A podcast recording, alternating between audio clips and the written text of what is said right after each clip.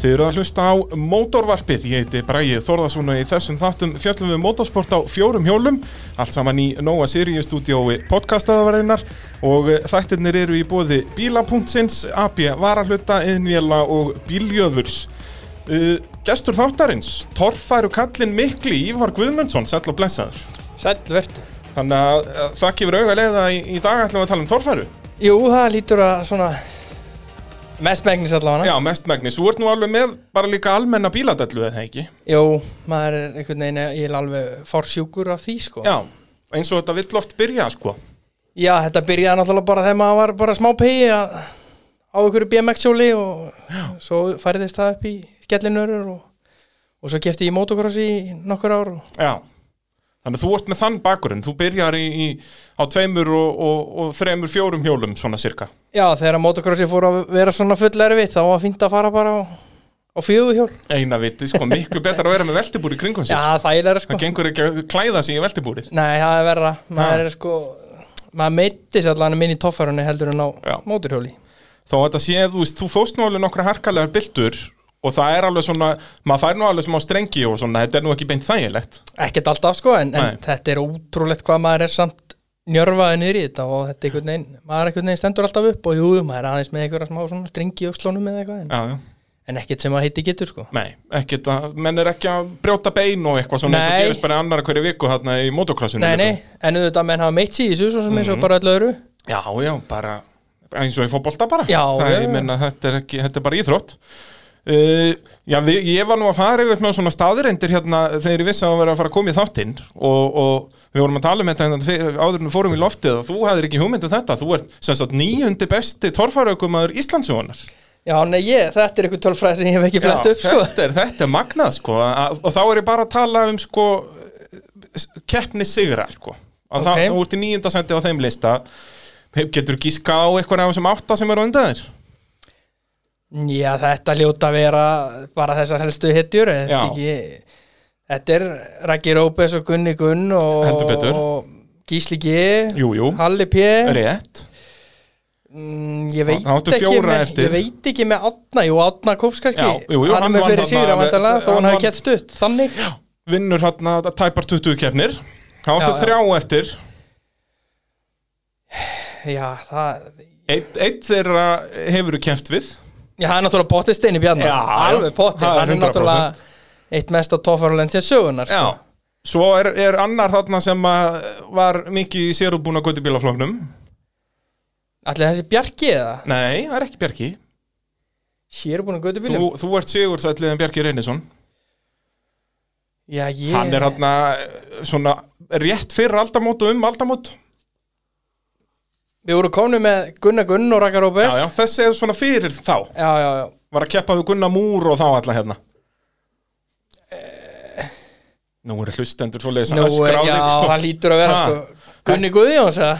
Nei, Gunnar Pálmi Pétus Já, að sjálfsög Auðvitað, Auðvitað, já. sko. Ha- Og hann er á líka fleiri titla en þú sko Hann áskæðan satt fjóra fyrir landsamband íslenska nægstusísutafélag og svo náttúrulega vann hann titlinn líka hérna með Ísak Já, já, já. þegar að þetta splittaðist hann árið 2000 Já, og, og svo er þetta Bergþór Guðjónsson náttúrulega, en hann er nú fyrir okkar tíð sko, hann er hann in the 80s já, maður var bara svona rétt að vera hugmynd þá sko. já, það er, ég var langt frá því að vera hugmynd þá en Já. hann á sér satt bara 16 sigur þú átt 15, þannig að hún er bara mæti eina keppni við bótt og Já, jafna já, já Hann Nema nóg Ber- eftir Bergþór verður sennilega bara undan þér sko, hann er alltaf með villið sem út í garðin bara Já, já, Ha, hann á- er bara klár Hvolsvelli, þetta er alveg gullfallett Já, já, þetta er svona með betri garðskröðum Ég heldur betur, það væri samt geggjað að fá hann núna í guttubílaflokkin Já, já, út að hann var sko, ég held á öllum ferlunum hann kefti í eitthvað ábygglega meir en tíu ár og ég held að hann hefði alltaf bílnum einu sinni og hann var alveg brjálaður, hann beiglaði hútið já, hann var bara svona, hann var svona eins og Rækki Róbert svona mjög svona lungin, sko, var ekkert að velta að óþörfu já og Haukur Þorvalds, hann er nú hefur nú ekki Já. mikið verið í því að velta það er rétt, hann er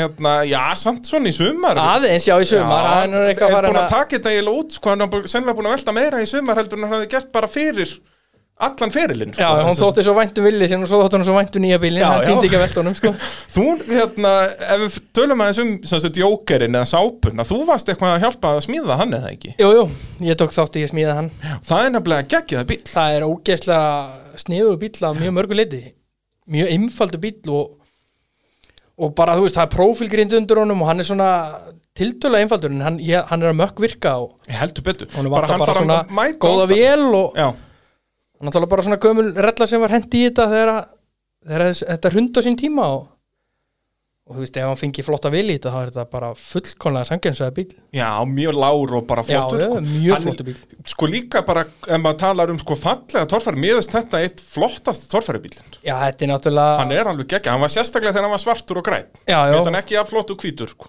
og þetta er náttúrulega eitt af listaverkunum frá Óla Björns sko. Já, hann er náttúrulega svona- listamaður í þessu. já, hann er ótrúlegur sko. Já, er hann ekki núna á fullum með, með orra að vesanast? jú, jú, hann er búin að vera að smíða með honum alveg grindina meir og minna sko. Já, gödubílinn. Já. Þetta er ekkert grind, þetta er gödubifrið. þetta er göttubyrjuð á, á grind Já, grind, já. en það, þú veist, það, það er bara, hann er ótrúlegur sko. já, svo náttúrulega ertu sko í fimmtasæti ef, ef að tali, talnir eru titlar. Þú ert ánum áttur uh, fjóra Íslandsmeistara titla.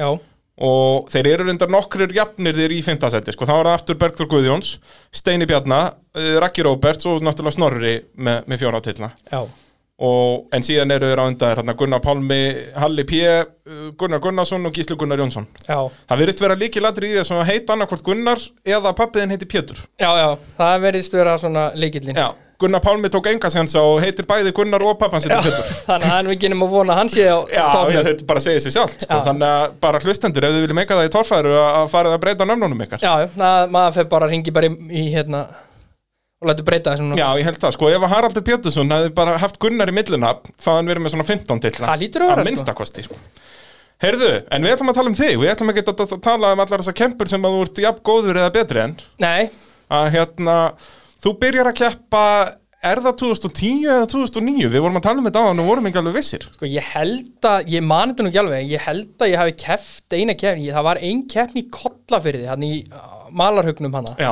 þessum eina hól sem Þessum að eina tókst hól. að keppa, sko, Já, í, sem var reyndar alveg merkilegt hvað náðist að gera Já. svona þokkala tófarkeppni í, sko. algjörlega, þetta var nefnilega ekkert leiðileg keppni Nei, alls ekki, og vatn og allur pakkin, sko.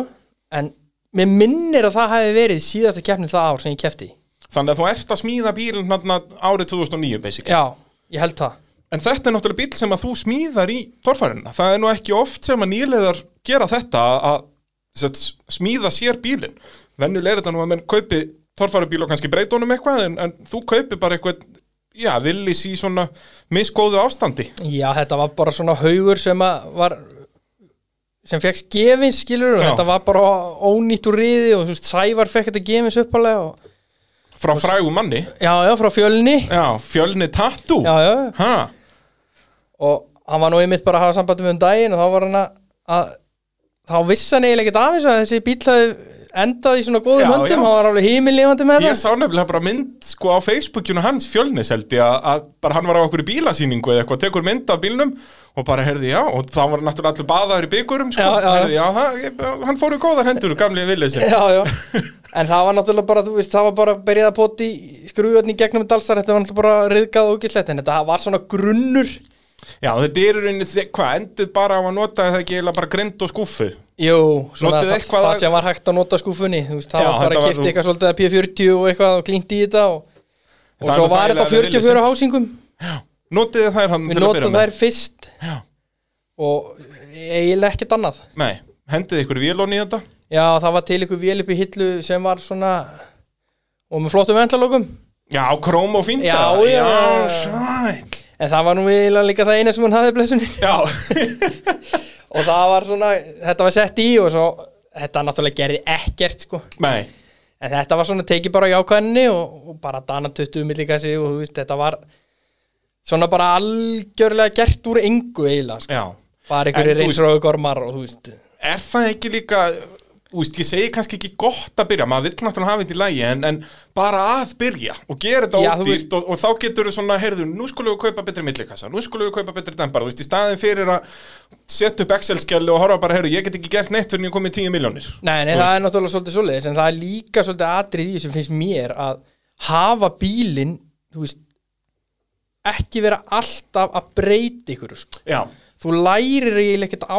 toffarajeppaðin ef þú keppir einu keppi með hann svona og svo næstu keppni þá er hann orðinn allt öðruvísi lengri eða styttri eða með annar stýri eða aðra vél eða eitthvað þú veist, þannig að þetta svona allavega að gangverkið í þessu sé svona nokkuð svipað sko. Já, og maður hefur séð þetta mitt og ég hef nú oft talað um þetta hérna í þessum þætti að, að eins og í torfærina, menn eru duglegir að breyta og betrumbæta og hvað það heitir og þú veist, oft eru menn að breyta bílunum eins og þú segir, bara liggum við milli keppna og þó Já, að já. breytingarnar make sense, þú veist, þau segja hérna, já, ég var að lækka vélina eða gera þetta og maður svona, já, ok, það er sniðut en þú veist, það er kannski ekkit endilega sniðut lærðu frekar á, þú veist vertu 100% viss um hvað þú vilt Þú veist, Já, að þú já. ert bara búin að keira bílinn í tvær mínútur í keppni sem er cirka bara heil keppni að þú veist ekkert svakalega mikið um hann Nei, þú veist náttúrulega bara ekki neitt um allt Það er eiginlega svolítið En þú veist, þetta er, sko, það er ekkit lausnin að, að, þú veist, ef þú ert að keira allar stíkuna, þá er kannski ekkit endilega lausnin að kaupa 700 hestabla vél, sko Nei, En auðvitað er það gaman já ég segi það ef þú getur að þá erum Já, að gera já. sko. en, en hérna, kannski sérstaklega eins og fyrir nýliða að frekar að- að lulla þarna bara í, þú veist, neðri sætunum en með allt í læg, þú veist, eins og bara að mæti torfærukefni, ef bíliðin er í lægi í öllum brautum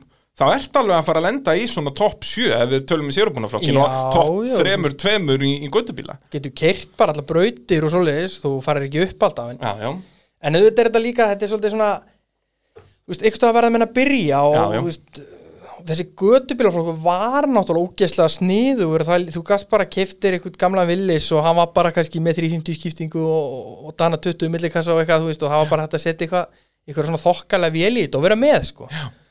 bara svona í sjálfum sem eins og bílinn hjá Hauki Þorvalds, gamli hérna Silvupáver Mhm. þetta var bara fjallajeppi sem var búin að eiga í mörg ár og bara svona villis sem var þótti alltaf fín villis Já.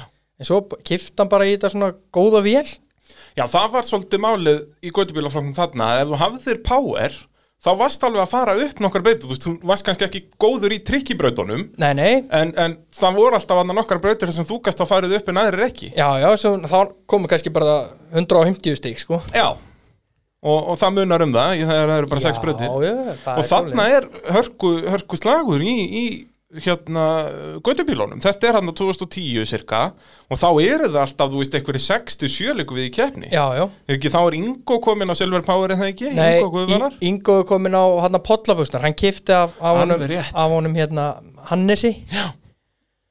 og hann alltaf nú bara eitthvað aðeins að breyta honum en hann endaði náttúrulega bara með það sagan í búta og lækkan og gera Já. og setja í big block og eitthvað, þetta var svona en, eins og hann talaði um hérna í mótavarpinu Já, að já. þetta var allt sagaði búta það var, ég kefti við, hann var sennilega, í- ætli hann hafi ekki verið í tvö ára eða? Jú, ég hugsa það Svo er náttúrulega Maggi Sig hérna á súkunni Já, já, Stefán Bjarnsniðins Stefán- já, var Villisnum. segur hann Já, sko. já, já. og náttúrulega Steini Bjarna alltaf já, já Palli Páls er svona klára fyrirlinn hann eða ekki Ég held ég hef, ég kefti bara einu sinni við palla held ég Já, á í stapahölli Já. eina kemni fræg keppni sem er nú verið talað um hér í, í mótavarpinu jú, þetta var merkileg kemni fyrir þær sækir að- að að- að þá var náttúrulega þetta er svo langt síðan að, að Pall Pálsson var í keppi Dorfaru Já, þa þá erum við að tala um það einhverja er formáttir náttúrulega sko. bara elgamalt sko já. Já, ég bara, þetta er bara öll vídeo er í svartkvítu sko, já, það er svo lit og Bjúekin var í í kordrengnum, kordrengnum Já, og já. Raggi var að keppa honum Það er mennana. náttúrulega dásamlegur bjóikinn hann í já, kordrengnum já, hann hefur komið víða við Já, heldur á sinni betur, lífsleið heldur betur.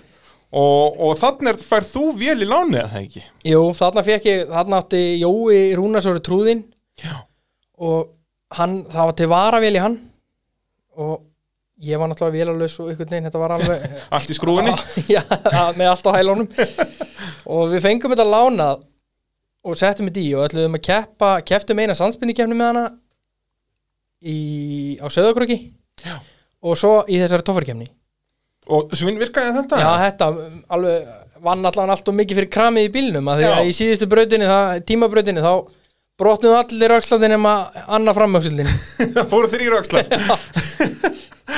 Það vill oft henda, henda þegar Þetta vindur aflið er upp á of sig, mikið. sko. Já, það er maður átta sér kannski ekki allir endilega á því að það þarf að breyta bílnum öll, það gengur ekki bara ef þú breytir um vél að það brotnar Já, þetta- hérna, drifin og allt þetta, sko. Þetta er löng leið Já, það er svolítið svo leiðis, það þarf að taka þetta í skrefum Já, já Uh, ef við förum aðeins aftur á bak sem sagt, af hverju byrjar þú torfæru? Hvað, þú veist, byrjar að vera eitthvað í servis eða þú veist, varst eitthvað í kringum minn á þessum tíma eða, Já, já, ég var náttúrulega búin að vera í þessu í raun og veru í mörg ár áður en ég fer út í þegar smíðina bíl já, Sko, þetta byrjaði náttúrulega þannig maður var náttúrulega alveg forfallin áhuga maður um þetta hérna, með hérna, spólurnar sem að fylgdu með pulsubökkunum og öllu því Nákvæmlega. sístemi Gísli G bara hafði tilbyð hann alla mótna Já, og, já, og já. allt þetta og Halla P og alla þessa kalla og svo náttúrulega Gunni Egils að keppa í toffari þá á, á Selfossi sko, og, og maður heyriði hann þegar hann var að prófa nýtróð Ah. út í gagnið á Selfossi sko, þá fór maður á BMX og hjólaði alveg reyndi eins og maður gat út í gagnið sko, til þess að sjá þetta Sjá hann brjóta nokkra skiptingar við Já, að bakka út í skúrnum já, eitthvað svona bauka og þeir, þeir voru náttúrulega yfirleitt farnir inn og hættir þegar maður kom á staðinn sko, Já, já, en þú náður að heyra svona, þetta var, þetta var svona já, stemming já, þetta var mikil stemming og svo fyrsti toffarubíli sem ég svona tek þátt í að smíða það er hrafnin hjá krumma Já, sem er þá, er, er hann Það ekki er bíllinn- byggður upp úr gamla ramnum jú, jú, sem krummi, er samt bara villiskrind já, krummi kifti þennan ram af bara rakka eða ekki jú, eða var líklega. einhver í millitíðinni Nei, var það ekki bara Raggi Ég sem átt held það? það, Raggi Róberts Og þá var krummavinnan í AB-skálanum að sjálfhósi og það var smíðaðar þar upp. og var mjög flottur Mjög flottur. og hann er að keppa þarna fyrst, hvað, 2003 2, Tu- Já, nei, Eitthvað svoleiðis. Þrjú, 2005. já, getur verið Eitthvað 2004 hugsa ég, hann er að keppa eitt ár sko með Halla P, Halli P hættir 2004 Já, já, þannig að sennilega mætir hann 2004 meðan hvítan já, það er ekki. sannlega fyrst árið. Já, þá var allt í skrúinu, vélinn virkaði ekki neitt já, já. já. Og svo kei- kaupir hann hann að 406-vél sem að Benny Eiríks átti. Já.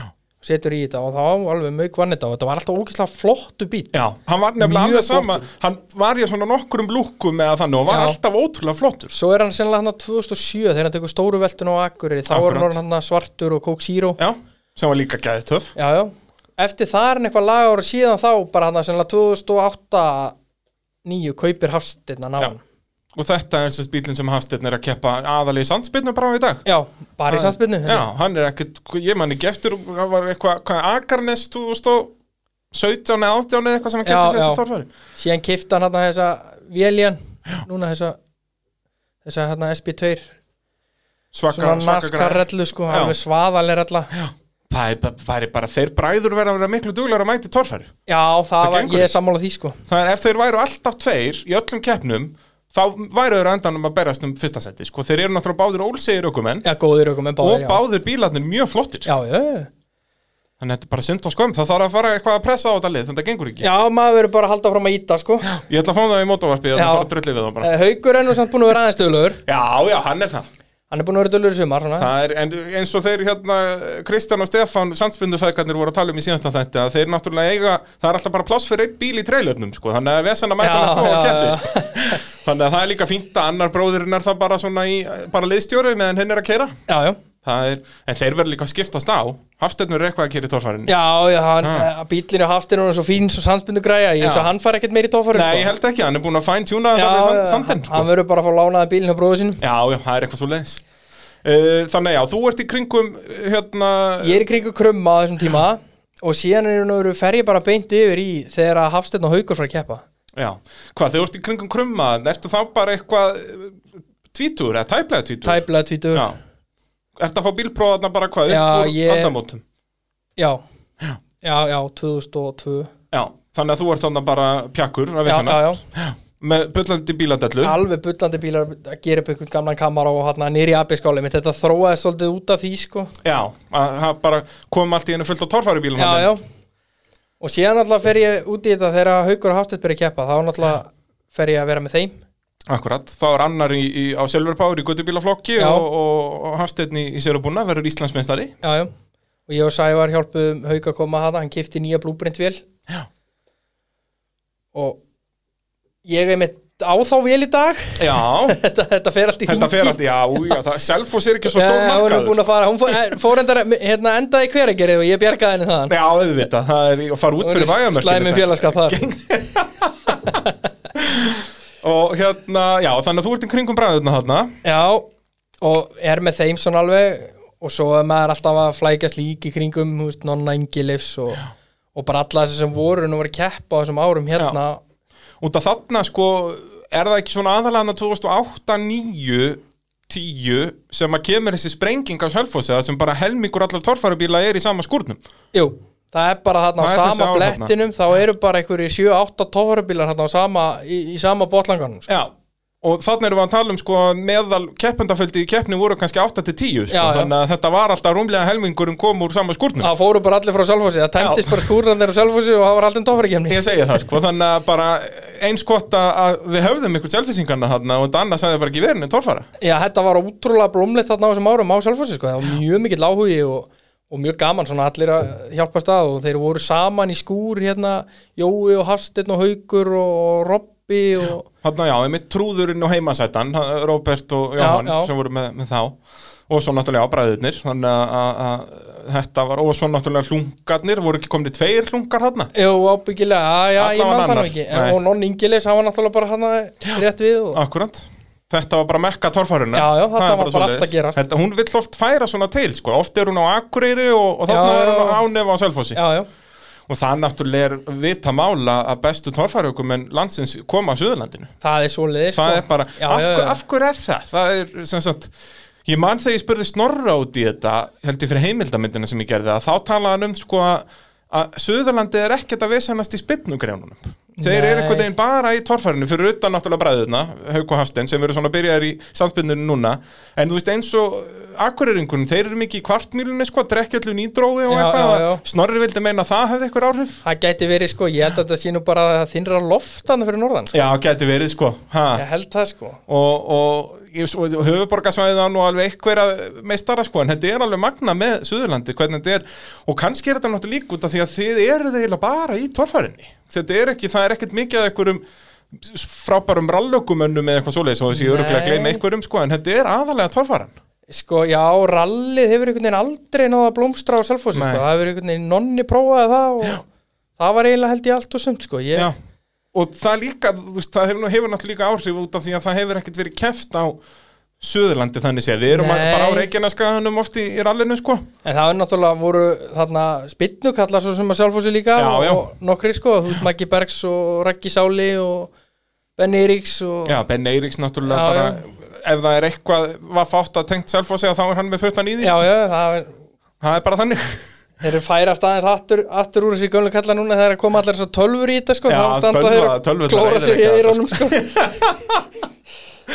þannig að þetta er magna, er þetta bara út að þið eruð á flatlendi alltaf að þið verðið að komast í brekkurnar Allir það ekki, en svo er þetta bara oft með eitthvað svona það myndast bara eitthvað svona stemming sko þetta Já. er oft svona sami vinahópurinn eða með þú svona kunningjar og þetta smitar bara einhvern veginn út frá sér sko Já, og það hefur gest fyrir þig þarna þú ert í, í kringkomendalið þarna mikið 2008-2009 og ertu þá byrjaðar að leita að þér að, þú veist, þá langaðar að fara að keppa þá mann er langað alltaf að fara að kepa man, mann er þótt þessi götubílaflokkur alltaf svo sniður sko Já, og Að því er maður- það aðalega bara peningalega sér Já, maður var bara búin að taka þátt í þessum sem er hauki sko, þú veist, þetta var bara bíl sem var til og það var bara einhvern veginn, þetta var bara græja þarna á engri stund, þannig að verið hægt að fara að mæti því á þessi tófarkemni sko. Já, þetta er svona viðhald og svoleiðis er ekkert, þetta er ekkert Já, það mikið vesen. þetta var bara kert og svo var þetta bara fyllt af bensinni fyrir næstu keppni Já. og eitthvað aðeins eitthvað, skiptum olíu Já, og eitthvað skiptum með náksum kannski og eitthvað, þú veist þetta en svo var hitt náttúrulega bara alveg ofvend sko. Já, af hverju er þessi miklu munur? sko, þetta var náttúrulega bara sko, auðvitað hefur götubílaflokkur núna þú veist, sérstaklega svona síðustu fjórum árum breyst gríðalega mikið sko. Er náttúrulega- hann þá ekki að færa snær sérubúinu? Þú Jú. veist, núna náttúrulega má vera með aflaugana, þá má vera nýtró og turbo og allt þetta og þá Já, það náttúrulega er meira nú- álag á dreifurás og... Já, það er allt orðið það sama, sko, öryggiskröfunar og orðnar sömu í sérubúinu, það er bara allt eins, þú veist, Já. bæði fyrir ökumann og bíl og það er ennur engin megin munur á þessu orði nema bara dekkin, sko. Já. Þú veist, það er allir komnu með þessa fóksfjörun og, og, Og það, þið eru með tjaktýri eða ekki, þó að verði að vera teknilega sér beintengt eða Jú, sem sagt- krafturinn er tekin í gegnum maskinuna, sko, Já. en þetta verður aldrei svona tjaktstýr eins og rótor, sko, en, Nei, nei. en þetta er samt, þetta, þetta er allt annað dæmi, sko. Þetta er glusatjakkur sem að sé- sér um þetta, sko já, já. Þannig að- að, eins og ég segi, þessir bestu göttubílar í dag og hendur auðsörum um undir þetta, þá væri þau alveg Já, svona já, kannski já. ekki samkemnisæfir en svona jú alltaf því alltaf því já, og allar vélarnar sem eru í þessum flokki í dag eru náttúrulega bara myndu sóma sér vel í hvaða sér er búin að býsa mér sko Já. Eh, Ertu á móti þessari þróun? mm, er þetta ekki bara þróun eins og allt annað ég, Nei, minna við sáum þetta nákvæmlega sem að gerast í bara eh, early 90s þetta fer alltaf einhvern veginn í sama ringin sko, að leið og þú veist eins og þeirra nýdróalift og, og þeirra búrareglunar voru orðnar þær sömu í sérubúinu og svona þá einhvern veginn fara menn að leiða sér að leggja brautir sem eru erfiðari eða sem sagt svona ekki kannski erfiðari heldur svona, þú veist, Svona að bjóla svakalegri. upp á meiri, þú veist, að þetta geti rúla, þú veist, sex veltur ykkur niður, sko. Já. Og þar að leiðandi, þú veist, menn vilja drífa upp, já, já, þá fara menn að setjast aðeins stærri vél að því þú dreifst ekki upp síðast og svona, þú veist, þetta, þetta heldur bara svona, þessi ringrás er bara svona held ég, sko. já en þú veist þá bara er aðalmálið að ekki fara út í að breyta dekkjónum eins og við gerðum hérna síðast Ég sko, það sem ég held að haldi þessum flokk langmest niðri er skoðunaskildan. já, Ég held að sé alveg sama hvað dekkjum þetta er sett á eða hvað, þú veist, ef þetta þarf að fara í kringum byrjaðaskoðun, Já. þá getur þetta aldrei orðið sérbúum bíl. nei, Það getur aldrei verið bara eitthvað glussastýri í þessu og þetta verður alltaf að vera bíl.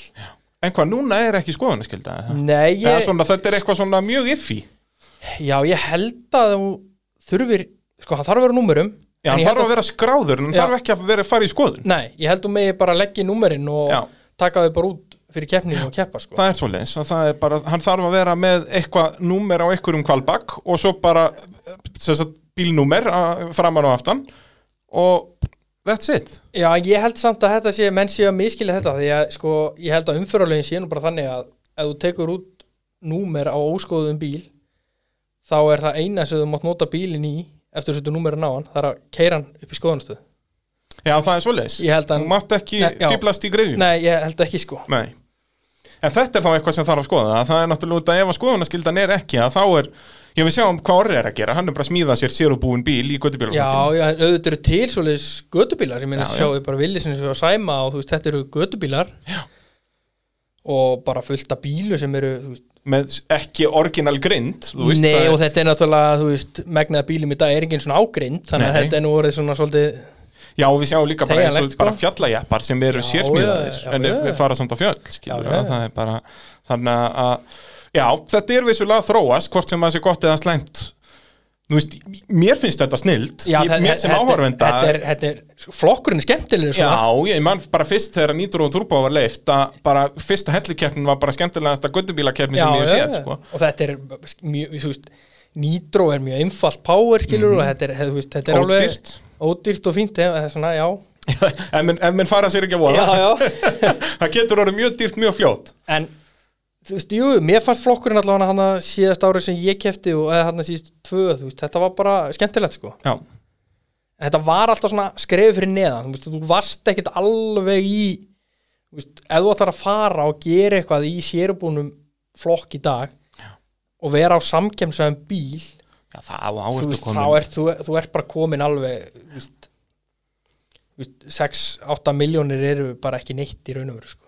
Já, það er, ég myndi telja það góðan ef þú getur verið að vinna keppnir í sérubunaflokki fyrir 6 miljónir já það er Það er afrek, Mjög- þú veist, Maggi segnaði því já, en hann já, er eiginlega já, inni já, já, já. Það er- en hann fór líka í gegnum langa þróun Já, já, það tók hann, þú veist, 5 ára Já, já, já. Þannig að, hérna, en það er líka gaman að svoleiðs þróun algjörlega, algjör snilt að það er nú bjútið við torfærinu og þú lest reglunar í þessu, þú veist, regluverkið er kannski tíu blaðsýður eða eitthvað þetta er ekki, þetta er mjög opið sport sem er snilt Já, og þú veist, a- a- bara eins og nú geiri verið að prófa sjálfstæða fyrir hana aftan, þú veist, það verður engi prófa það Nei, nei, Þetta það verður verður til svona að, þú veist, það dettur bara einhverjum eitthvað í hugin í bílskúr og, og svo bara aftað, heldur betur og sem er bjútið við þetta já, saman. sem er ógeðslega gaman sko.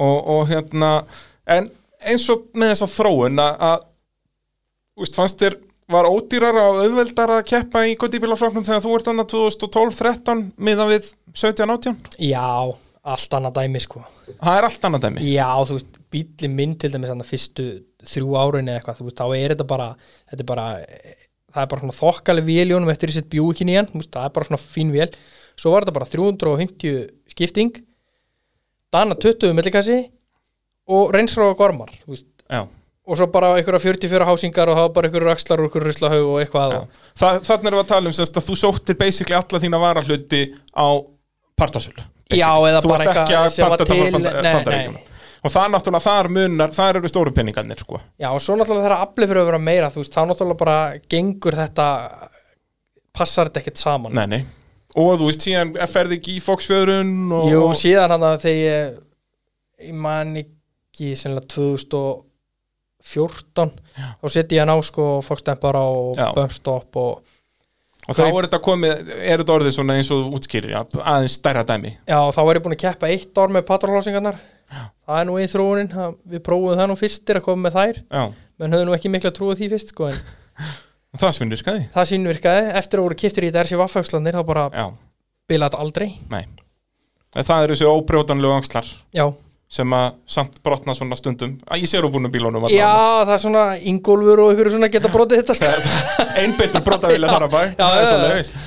Hérna, við skulum, já, byrja að fara svona yfir ferilinn hér eftir örstutlið Þið eru að hlusta á mótorvarpið hér á Sport FM 102.5 Gestur þáttarins uh, Torfæru Kallin Ívar Guðmundsson Gaman að að fá því í spjall Uh, þetta er að sjálfsögum í Nóa Sirius stúdiói podcastaðurinnar og, og þátturinn í bóði bíla.sins Já, frábært bílavestæði í grófinni 7 Reykjanesbæ og já, þeir sækja og senda bíla á höfubrakarsvæðinu og suðunessum sem hafa lent í tryggingatjóni og vinna fyrir öll tryggingafjörlaugin og uh, já, útvega bílalögu bíla meðan þeir eru að gera við bílinn þannig að það er topp þjónusta þar á bæ og uh, einnig topp þjónusta í yðinvélum á smiðiveginum í, í rauðugötun á smiðiveginum þar finnið allt fyrir yðnaðinn til, til dæmis uh, Holtzmann Rámax handverkfæri, borvélar, fræsar, hjólsægir, slípir okkar og já, bara allt sem að þið getur nokkuð tíman dreymt um. Uh, Ívar, við svona erum búin að fara um víðan völl í, í fyrsta hluta, nú er komið að hluta tvo og þá skulum við svona byrja að fara yfir ferilinn, ok, svona, svona ár fyrir ár. Uh, þú keppir, hann, já, kannski eina keppni 2009 og svo keppir flest allar keppni 2010. já En þá ennþá bara með ykkur 350 hækju eða það ekki Jú, í húttinu jú, og, jú, og- og svona þetta var eiginlega allt í skrúinni. já, maður var svona með svona flest allt á hælunum sko Já. Sem er kannski bara svona skiljanlegt nýliði og, og smíðaði eigin bíl. bara verið að prófa þetta einhvern veginn úr engu og, Akkúrat. og, og þú veist, maður var bara ungur og nýbúin að byggja sér hús og með lítið barn og þú veist, maður átti engan pening í þetta Nei. og, en þetta var bara samt, maður lærði þetta svona Já. og þessi þróun er náttúrulega skemmtileg þegar maður gerir þetta bara allt sjálfur þú veist, við Já. gerðum þetta allt sjálfur og síðan þegar að bjúikin fyrir í þetta hann þá 2000 Er, og- er það fyrir 2011 tímabilið?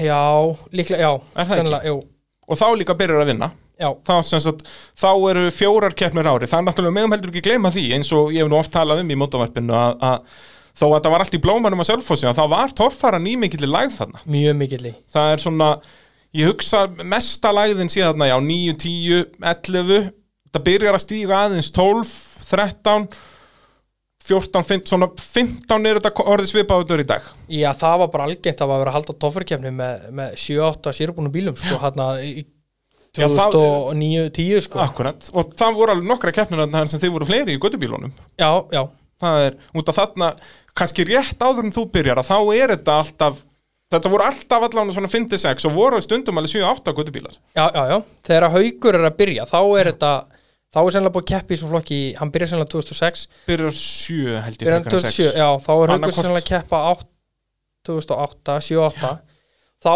er þá eru þeir alltaf við 6-7 sko. Já, þá er ennþá Palli Páls þá er Palli Páls og- Hæluxin er ennþá þá Hælug- er það ekki? Hlynur, jú Og og Hannes, Hannes og Maggi Sig er það ekki? Stefan Bjarniðins Stebbi Bjarniðins, já uh, Og einhverju fleiri þeir, Eins og Já, segir, þeir svo var voru alltaf alltaf Súka sem að koma einhvern dag Já, frá, akkurat. frá hérna Egilstöðum og, og ég man eftir einni keppni þá kefti Rólfur Borgar á, á, hérna, Alveg á rétt. hérna græna villisnum Það er rétt Legendin Já, Nikla. já, mætti bara og setti femilíin út og dreysið svo bara í tófari kemni sko, Já. þetta var bara alveg eins og ég gamla það Keira og keppist að Já, og, og, já, skrúa. ekkert vesen sko Getur ekki klikkað sko Nei, að hérna, þannig að já að, að, þó að sérubuniflokkurinn hafi ekki verið að blómstara þá var guttubílaflokkurinn svo, svo sannarlega að gera það Já, ég þetta var náttúrulega efnaðsástandið þarna Já, 2009, 10, þú veist, þá voru allir bara að getu nefn á sér einhvern veginn Já, bara hrískurinn í Já, mandinn þetta var allt í steik, sko Já.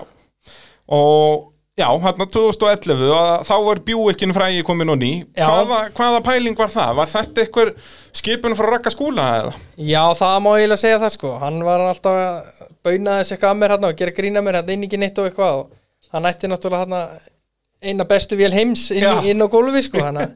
Er þetta hvað? Sama vel og hann var að keppa með í galdrakul eða? Já, þetta er alltaf sama vélinn, sko Já, þetta er alltaf, þó að sé búið að skipta Já, nokkur já. sinnum um, um keflið og, Þetta er og hausinn á hamrinum sko, það verður alltaf sama, hamar, sama hamari Þá var verið að tala um að það var Íslandsmeistari þegar ég var fyrst Íslandsmeistari, sennilega 2014 þá var Raggi Íslandsmeistari með hennar sko mm, 94 Já, já, þannig að það þá var er, mjög ljóðrænt þetta var góð ending á torfæru Já, heldur betur, já, eins og ég segir, sérstaklega torfæruvél Já, já. sko, a- a- En þarna náttúrulega kemur, hvað er þetta í kúbikum, þessi Buick?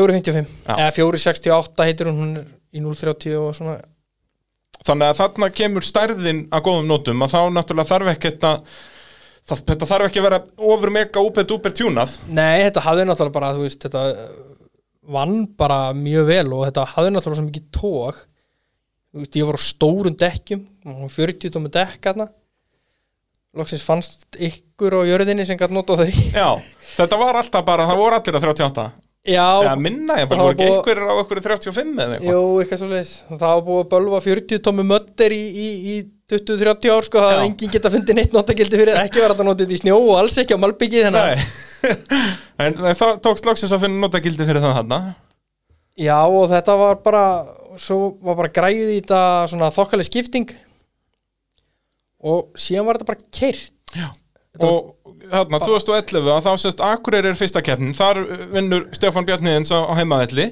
Já, Svo kemur stapafellið og þá vinnur þú þína fyrstu keppni já, Hvernig var svona stemmingin þar?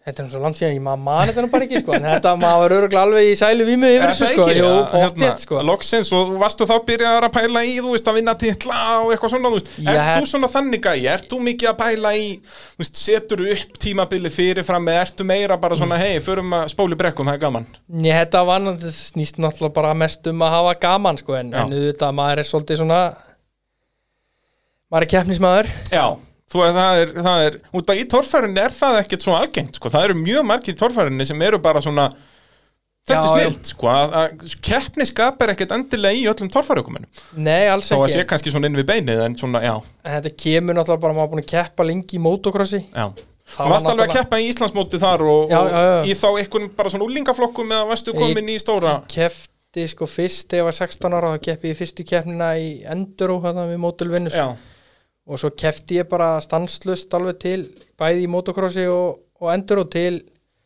sennilega 2007 eitthvað svolítið og náðum einhvern árangri þar eða? Já, við vorum, ég, fyrsta kemst ég tók þátt í, þá var ég nú á, náði ég á pall með Kára Jónssoni meðal annars, Já. sem er nú alveg markvaldur Íslandsmeistar í þessu dag, hann er að, hefur aðeins tekið fram um á manni. Já, Já, þetta gekk mjög vel sko, og svo var ég farin að keira fyrir Yamaha hann á tímbili og, ok Þannig að þetta var alveg lofaði góðu já, já, Og hvað af hverju hættur því þá?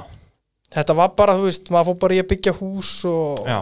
þú veist, þetta var bara, Hvað, það var, já, 2007 þá ertu orðin hvað, eitthvað 25 eða eitthvað Já, 20, já, ég var eh, 20 22 ára þegar ég var komið með barn og að byggja hús og eitthvað svona, þannig að Rimpar þessu af Já, Vilt, en þú veist- vilt vera búin með hennar pakka þú ert tvertur Já, og svo fyrir maður bara að leika sér aftur Ég segi það, sko, það er, þetta er annarkvort að gera þetta mjög snemma eða mjög seint Já, já, já, Það er svolítið svoleiðis verða bæði pappa og afi á sama tíma Já, Það er það getur ekki klika Takk að ég einu baka En hérna, já, þú vinnur í stapafelli og, og hérna eða, já, sérst, með þetta motocross ef við kannski klárum það, sérst, af hverju já er það bara, sérst, já, fórst að vera fjölskyldamaður og Já, þetta var Þú veist, bara- var þetta of svona, kannski þjætt prógram eða Já, þú þannig svona veist, maður hjólaði í sko klukkutíma til tvo tíma á dag, sexin með viku sko og, Já, og þetta var bara bootcamp og allt þess á milli þetta var, ef maður ætlaði að ná einhverjum árangrísu þá var þetta brjálu vinna sko já, já, og náttúrulega þannig kemur þessi líkamlegi þáttur sem er ekki jafn mikið í Já, já, nei, motocross alls á fjórum ekki, sko. hjólum, sko, og síðan náttúrulega var þetta líka bara þú veist, þetta voru ferðalög út um allt þú veist, það var verið að keppa á þú veist, Reykjavík og Akranesi og, og Vestmannegjum og allalið ykkur austur á Húsavík í Endur og veist, þetta var bara út um allt land sko. Já, já þannig að það voru ekkert minni ferðalög í því þó að verið þægilega að setja bara eitt hjól ykkur Já, það er dagar aðeins, á kerru og brunast það sko. svona ódýrar, þarf, þarf ekki meira að prófið það já, það væri svona þetta er svolítið minni útgerð heldur en hitt og, og hérna já, vinnur þína fyrstu keppni 2011 svo kemur Egil staður og þá vinnur Maggi sig gott en það var það ekki eina keppni sem vinnur á súkun hann vann nú ekki margar, kannski vann hann einhverja tvær þrjár ár Var það á Egilstöðum? Já, ég held að hann hefði unni líka vann hann ekki einhvern tíðan á, í, hérna, á Blöndósi Jú, Nei, var, það gæti verið, ég held að hann hafi unnið alveg tvær þrjár á súkunni Já, það geti verið, ég hann, man er, þetta ekki alveg hann er uh, svona mjög svipaður fyrirlega hann er bæði í sérbúinu og guttubíla sko. hann var svona vann einu og eina keppni en varð, ég held að hann hef ekki orðið meistari í guttubíla þetta, ég geti Nei. reyndar verið að bulla Nei, ég held ekki, nei Já, það er svo var orðið ekki- langt síðan ég fekk hann í spjall í janúar sko, ég er Já, búin að já. gana þessu öllu saman langt síðan ég gerði researchið um hann svo vinnur Stefán Bjarniðins aftur síðustu keppnina sem er á Blöndósi og Stefán verður þá meistar hann 2011 Já, og hann vann náttúrulega ól segur hann í guttbílaflóknum mjög góður og með fínan bíl og þú veist, vann vel hjá hann bílinn og hann var fyrstur held ég, ég man ekki hvort að hann eða Steini komið með Fox-fjöruna fyrst já, hann var allavega komið með Fox-fjöruna í þetta og þetta var bara ljómandi fýtt bíl hjá hann sko.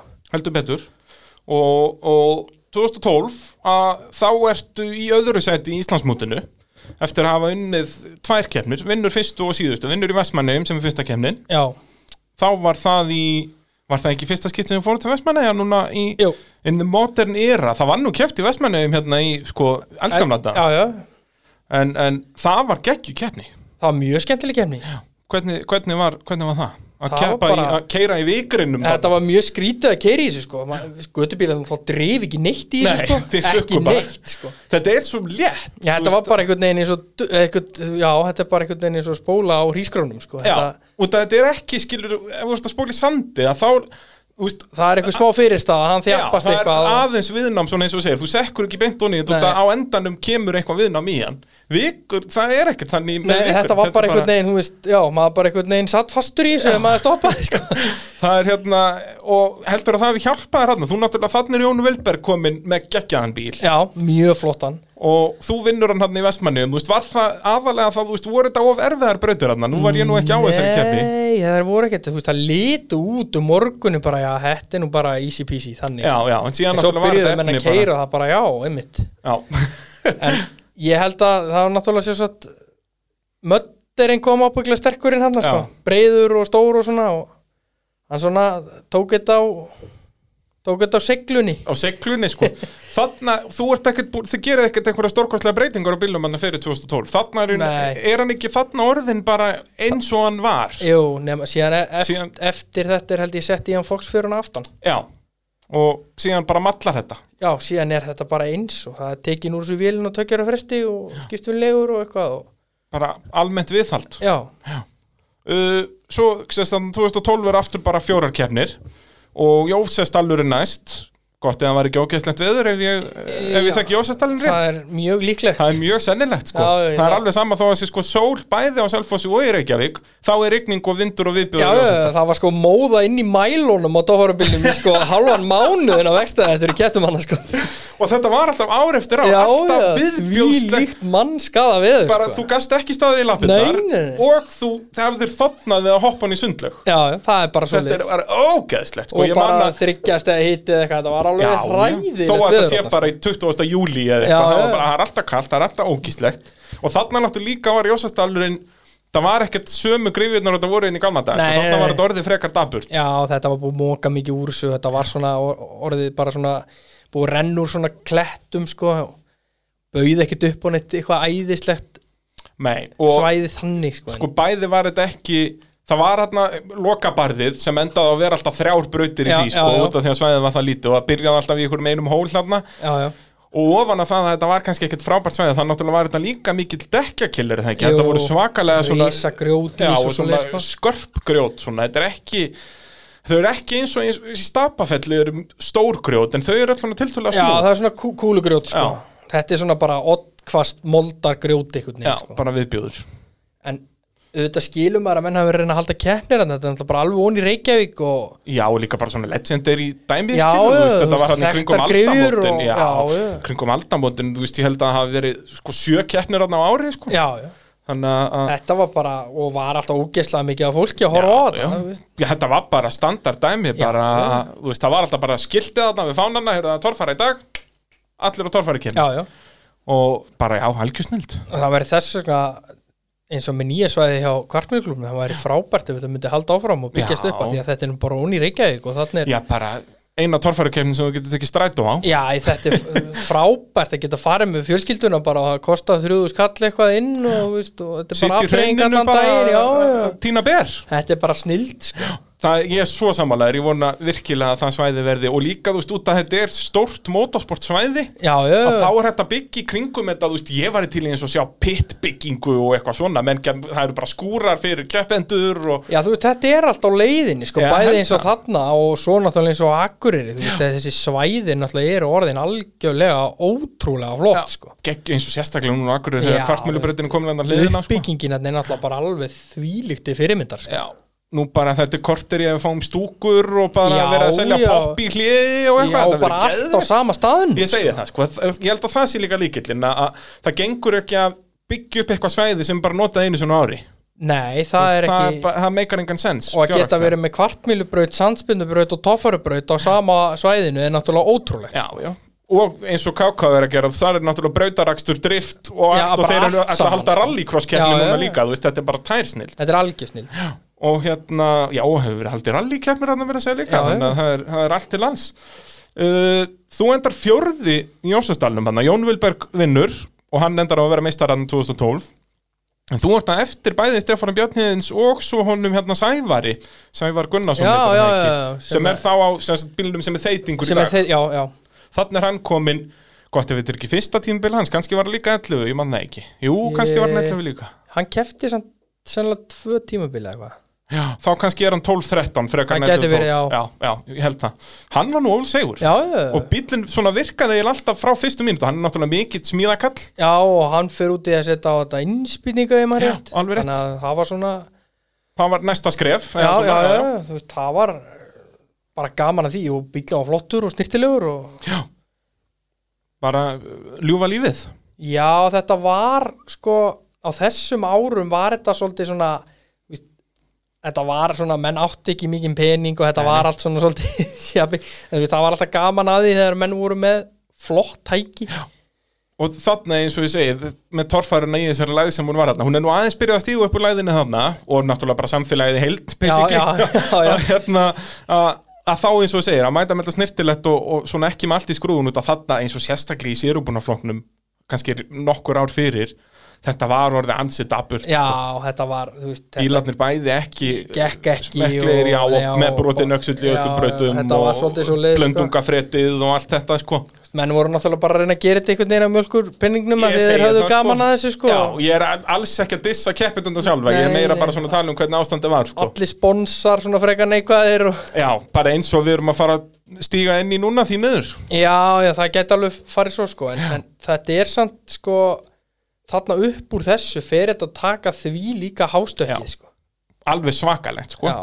út af eins og ég segi, þetta er komið svona cirka á standardin sem þetta er núna þarna 2014-15 en svo núna er þetta samt búið að taka eiginlega einu skrefi lengra Já, já. svona síðustu fimm árin Já, sko. já. Þú veist, eins og núna, ég byrja með mína þætti 2015 og ég finn alveg stóra breytingu með hvernig það var þá og hvernig þetta er núna Já, Ah. margi nýju bílar, þú veist, þetta eru geggjuð tæki sko, bílinn og skúla og hauki og þú veist, þetta- þetta eru brjálasla mikil og flott tæki sko Já, Já, já, og, sérst, við vorum að tala um áðan að ef þú mætir í allar, sérst, í sérubunaflokknum ef þú mætir í allar brautir með bílinn í lægi að þá ert að lenda kannski í svona mestalagi fimmtasæti þú veist, ef þú, ef þú ert Já, ekki já. að keira vel þarna í kringum 2010 að þá varst að fara að fá byggar já, já, já, Það var samt bara þannig, Já, ef, já, ef bílinn já. væri í lægi allar keppnina þá skiptir hún ekki máli hversu lélugur aukumæður þú varst, eða svona upp af þessu marki að þú varst að fara að lenda á velunapalli já og það er raun og verið alveg ótrúlegt að þetta hafi þó hangið eitthvað í gangi skilur á þessum árum sko, að, að menn hafi bara almennt verið eitthvað að keppa í þessu sko. Akkurat, og það var alveg slagur já, Já, Þú veist eins og þarna þegar já. Hafsteinn og Jónur Já, þeir eru að já. vera meistar, þetta voru svaka tímabil sko. Já, já, já Svona ef maður horfir á keppnislegu hliðina Þetta já, var ekkit menn, allt menn æði í þetta fullt af Já, peningum já, og já, allt á þetta- þessum árum sko. Akkurat, þó að sem sagt, sportið yfir heildina var kannski ekki upp á sitt fallegast en þetta var samt hörku tímabil og þarna var mikið verið að fara út að keppa með þessu líka sko. þannig erum við svona að klára það tímabil í rauninni, Já, þú veist, já. Gunni Trúður og, og Sigur Þór Jónsson og þeir að þeir voru þarna þegar þetta var að blómstra hvað mest þarna í mitt 2008, sjokker að að, hérna, eða 2007-2008 Já. að- að bara fara út, þú veist, þeir voru að keppa 15 keppnur á ári eða Já, já. eitthvað, allt Íslandsmótið, allt Noregsmótið og allt bara og Jón Örn heldur því áfram og svo er þetta svona fjara út þarna, hvað er það, 10-11 já, þeir fara sennilega hann 2008 er það ekki heldur góð ferð þá út þeir fara allir hann, þá fara Hafsteinn út og Já. Jói fer út sennilega Jói er þá sennilega á heimasætunni Já, alveg rétt Hann hann kifti hana fyrst sko Já.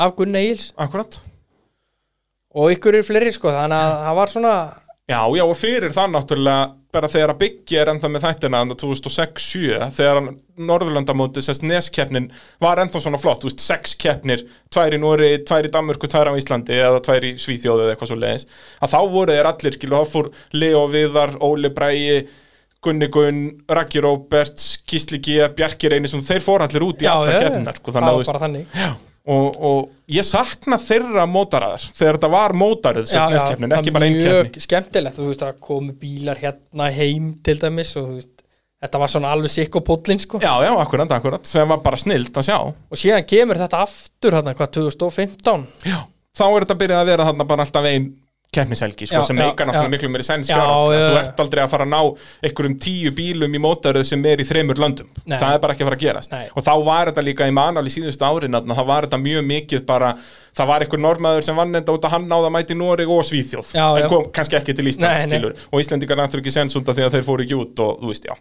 Þannig að það var vesend uh, Við erum að tala um 2012 hins vegar Og þá endar þetta á tveimur keppnum á Akureyri Gott, ef, er þetta ekki árið sem Óli Bræður meistari og hann mætti bara á Akureyri?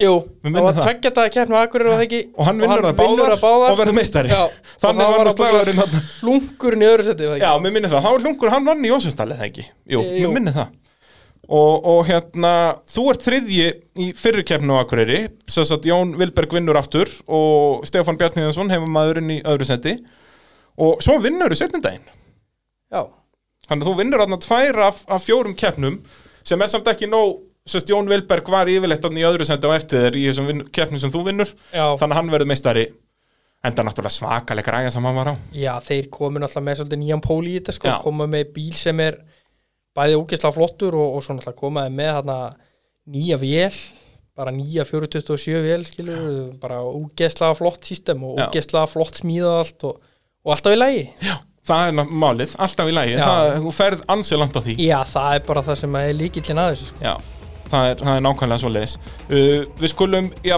fara yfir í 2013 hér eftir Ég var að taka örstullið, já, tökum örstullið Eitt kaffi? Eitt kaffi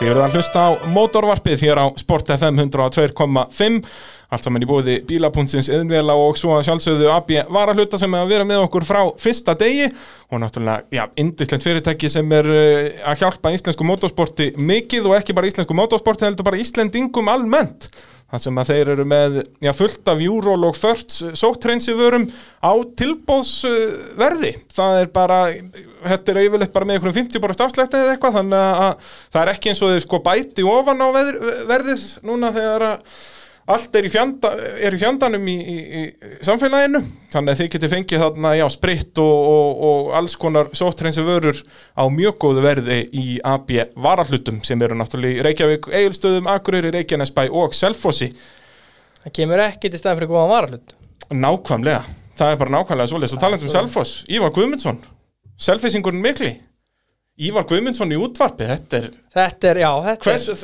hefur heyrt hennan er ég, áður, eða? Þessi djókur hefur nú verið tekin einu sinni Er eða það tvisvar, já. svoleiðis? En nú ert í útvarpi nú, er ég, þannig að- nú er ég bara Ívar Guðmundsson í útarpi Ég segi það, þannig að ég verð að fá að segja hann allavega neins Sem betur fyrir erum við ekki að fara að spila tónlist Þannig að hann spila mjög leðilega tónlist uh, 2013, við erum að fara yfir ferilinn Þú náttúrulega keftir alla tíð í, í kvotubílafloknum Já, í, í torfærinni, byrjar hann á 2009-10 cirka bát og hér um bil uh, kannski áðurinn fyrir um tölum 2013 af hverju varst alltaf í kvotubílafloknum? Af hverju tókst aldrei, eða sérst Hafður ekki áhuga á að taka skrifið eða var eitthvað sem að stoppaði þig að taka skrifið? Já, ég tala um að taka skrifið, það er nú kannski vanvirðing við kvotubílaflokkinn, það er nú ekki... nei, nei, þetta var alltaf hugsaður þessi Guðbjörnlokkur sem svona einhver- einhver- eitthvað start Já, fá menn í sportið og svo leiðis en, en það er náttúrulega bara stóð aldrei til að fara með eins og þennan bíl í neitt eitthvað annað þú veist, þetta, Nei, það þetta hafði alltaf þurft að vera ný já, smíð. þú veist, þetta var aldrei bíl sem að hefði geta farið í sérbúnflokkin sko, nema náttúrulega bara nota körfustólinn sko. já. Jú, kannski vélina. og maður. vélina Ha, náttúrulega jú, sjálfsögðu. Bjúikinn, maður. en þetta var bara, þú veist, við höfum bara ógeðslega gaman að þessu Já. bílinn var alltaf í lægi veist, þetta var bara kertin á vegstæðu og skólaðar á þessu skíturinn og skiptum olí og eitthvað svona og, og bara svona yfirfarið eitthvað létt og þú veist, þetta var engin kvöð Já, engin pína, þú veist, þetta var bara ógislega gaman þess vegna heldum við bara alltaf áfram í þessu já, maður var alveg búin að sjá menn fara ringin sko í hinu þú veist, þetta var orðið svona svolítið erfitt sko já og, þú veist, ég held að þetta sé einmitt mjög góð ástæða meðan að þetta var allt svona í blómanum hjá ykkur, þú veist, þið voruð að vinna Já, já. bílinn var alltaf í lægi, þetta var auðvelt að þá svona er kannski værið að svolítið að skjóta sig í fótinn að fara að svona taka ofstóran bita já, maður hafði bara ógislega gaman að sem þetta var sko já, þannig að auðvitað, þú veist, það er ekkit lokum fyrir það skotið að maður fara ekkert inn í sérbúnaflokkin, Já, þú veist, það getur átt eftir að koma ef þú, ekkert ef þú myndir mæta aftur í torfaruna myndir það að fara í sérbrunnaflokkin Já. myndir þú taka aftur gödubílinn ég myndi örgulega að fara í sérbúnaflokkin En það ekki, Jú.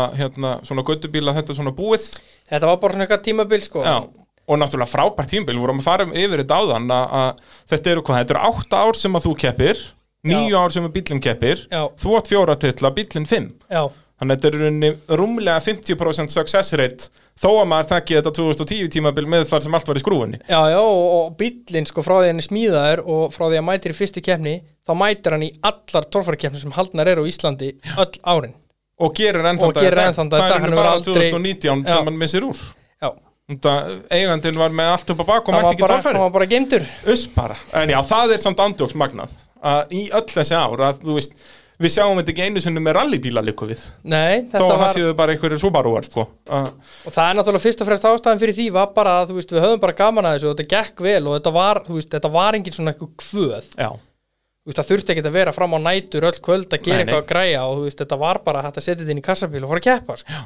sem er náttúrulega bara þvílíki lúksusinn Já, það er náttúrulega bara, þú veist, það gerir það að verkum að maður hafði svona gaman að þessu veldi, sko.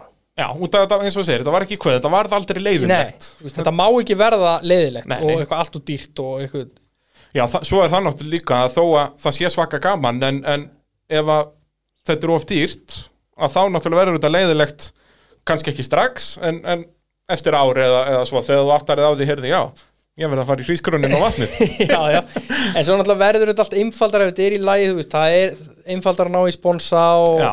og þú veist svona, þetta verður allt miklu svona þægilegur umhór sko og þá náttúrulega voru þið ég ætla nú ekki að s- að segja hefnir en, en að ná þessari uppskrift þarna strax bara 2011 í rauninni að- að bíllinn í rauninni, jú, já, að breyttist eitthvað aðeins en, en já, já, það er sett í þetta tjekstýri og eitthvað svona það, sko. en svo breytist það náttúrulega mjög mikið tö- þarna fyrir Er það ekki- síðasti tímabili sem ég keppi sko já und að þá er búin að opna reglurnar aðeins og, og hérna- já, já, þá er komið nýtró og... Já, við förum aðeins yfir það hérna á eftir uh, Er það ekki fyrir, ég held að það sé fyrir 2014 tímbili frekar en 13 þar sem þið skverið aðeins frammendan ánum með það ekki já, hann veltur, já, ég velt honum að það mjög illa á eigilstöðum í tímabraut Já Það er hann 2013 einmitt, já. Já. Þannig að ef við förum yfir það tímbil, þá er náttúrulega Jón Vilberg ennþá bara að menga það og Jón Vilberg vinnur þrjára af fjórum keppnum, hann er eftir bara fjóra keppnir Vestmannegar fyrsta keppni, það ertu í öðru sendi á eftir Jónu Vilberg já, Uh, Stapafell ert í þriðja sændum eftir Jónu Vilberg og svo Steini Bjarna í öðru uh, Egilstaður Jónu Vilberg aftur fyrsta sætti og þá ert þú bara fjórði þá er sko bæði Steini Bjarna og, Ona- og Orri þannig er hann kominn inn og var í öðru Já. sætti hann Ól Sigur, alveg eins og nýr alveg eins og nýr sko þannig er hann náttúrulega búin að kaupa Silver Power já, og búin að gera hann hugulega fjólubláan já, er, er 13 fyrsta tímbilans? Já, líklega. Já, ég held 13 hann kifti hann bara, hann bara málaði strax Fjólublár og hugulegur já Og Mér minni það hvað, Þa, það er eitthvað í kringum þig, þú ert eitthvað að smita hann eða ekki Jú, Eða- jú, þetta var svona eitthvað Þetta var verið svona- að dæla þessu út, út í kosmósið svona Já. og hann smitaðist af þessu auðvitað og það var náttúrulega svo sem hann svo sem kannski hafði ekkit eh, hvorki aðstöðunni þekking á þessu þá og við vorum bara svona mjög mikið saman í þessu og, Já.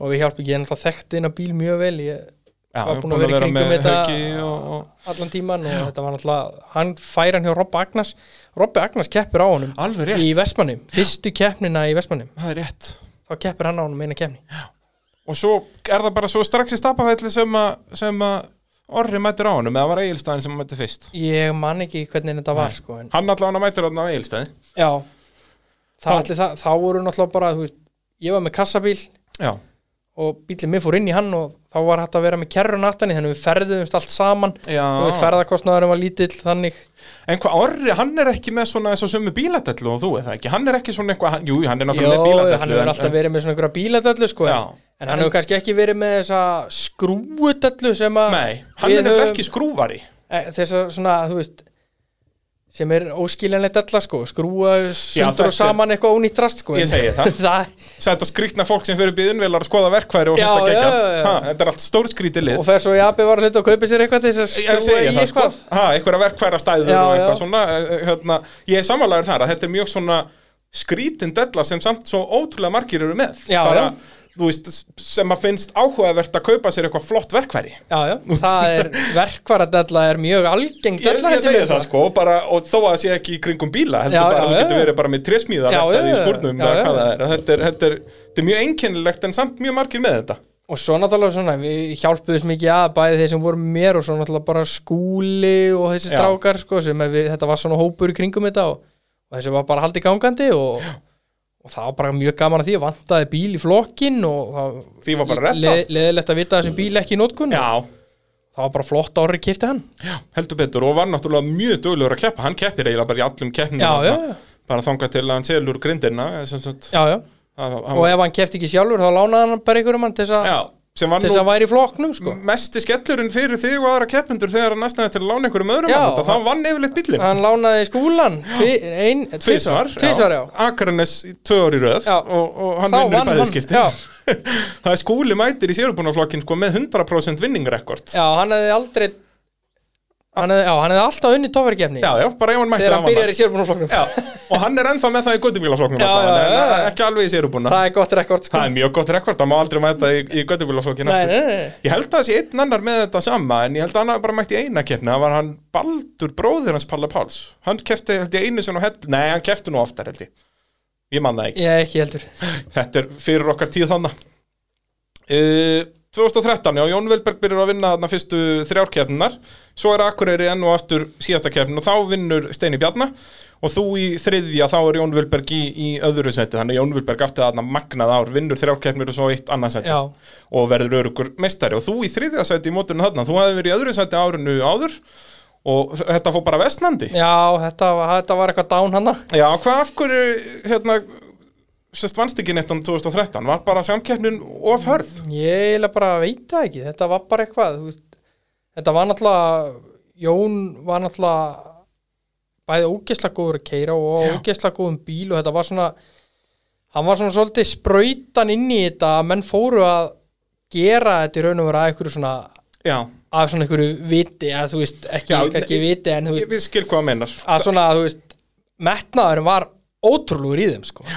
Og ég er svolítið samanlega hérna, það er alveg, sérst, ef þú horfir á sögu guttibílaflokksins, að það er, hann er augljóslega öðruvísi fyrir og eftir Jón Vilberg. já, já, það er svoleiðis Það er- og þetta var náttúrulega lí- svona líka í gamla dag hjá pappans Já, já. bíllinn var alltaf í lægi hjá Gunnar Páma sko. 100% dásamluðu þáttur bæði ógeðslega flottur og alltaf í lægi sko.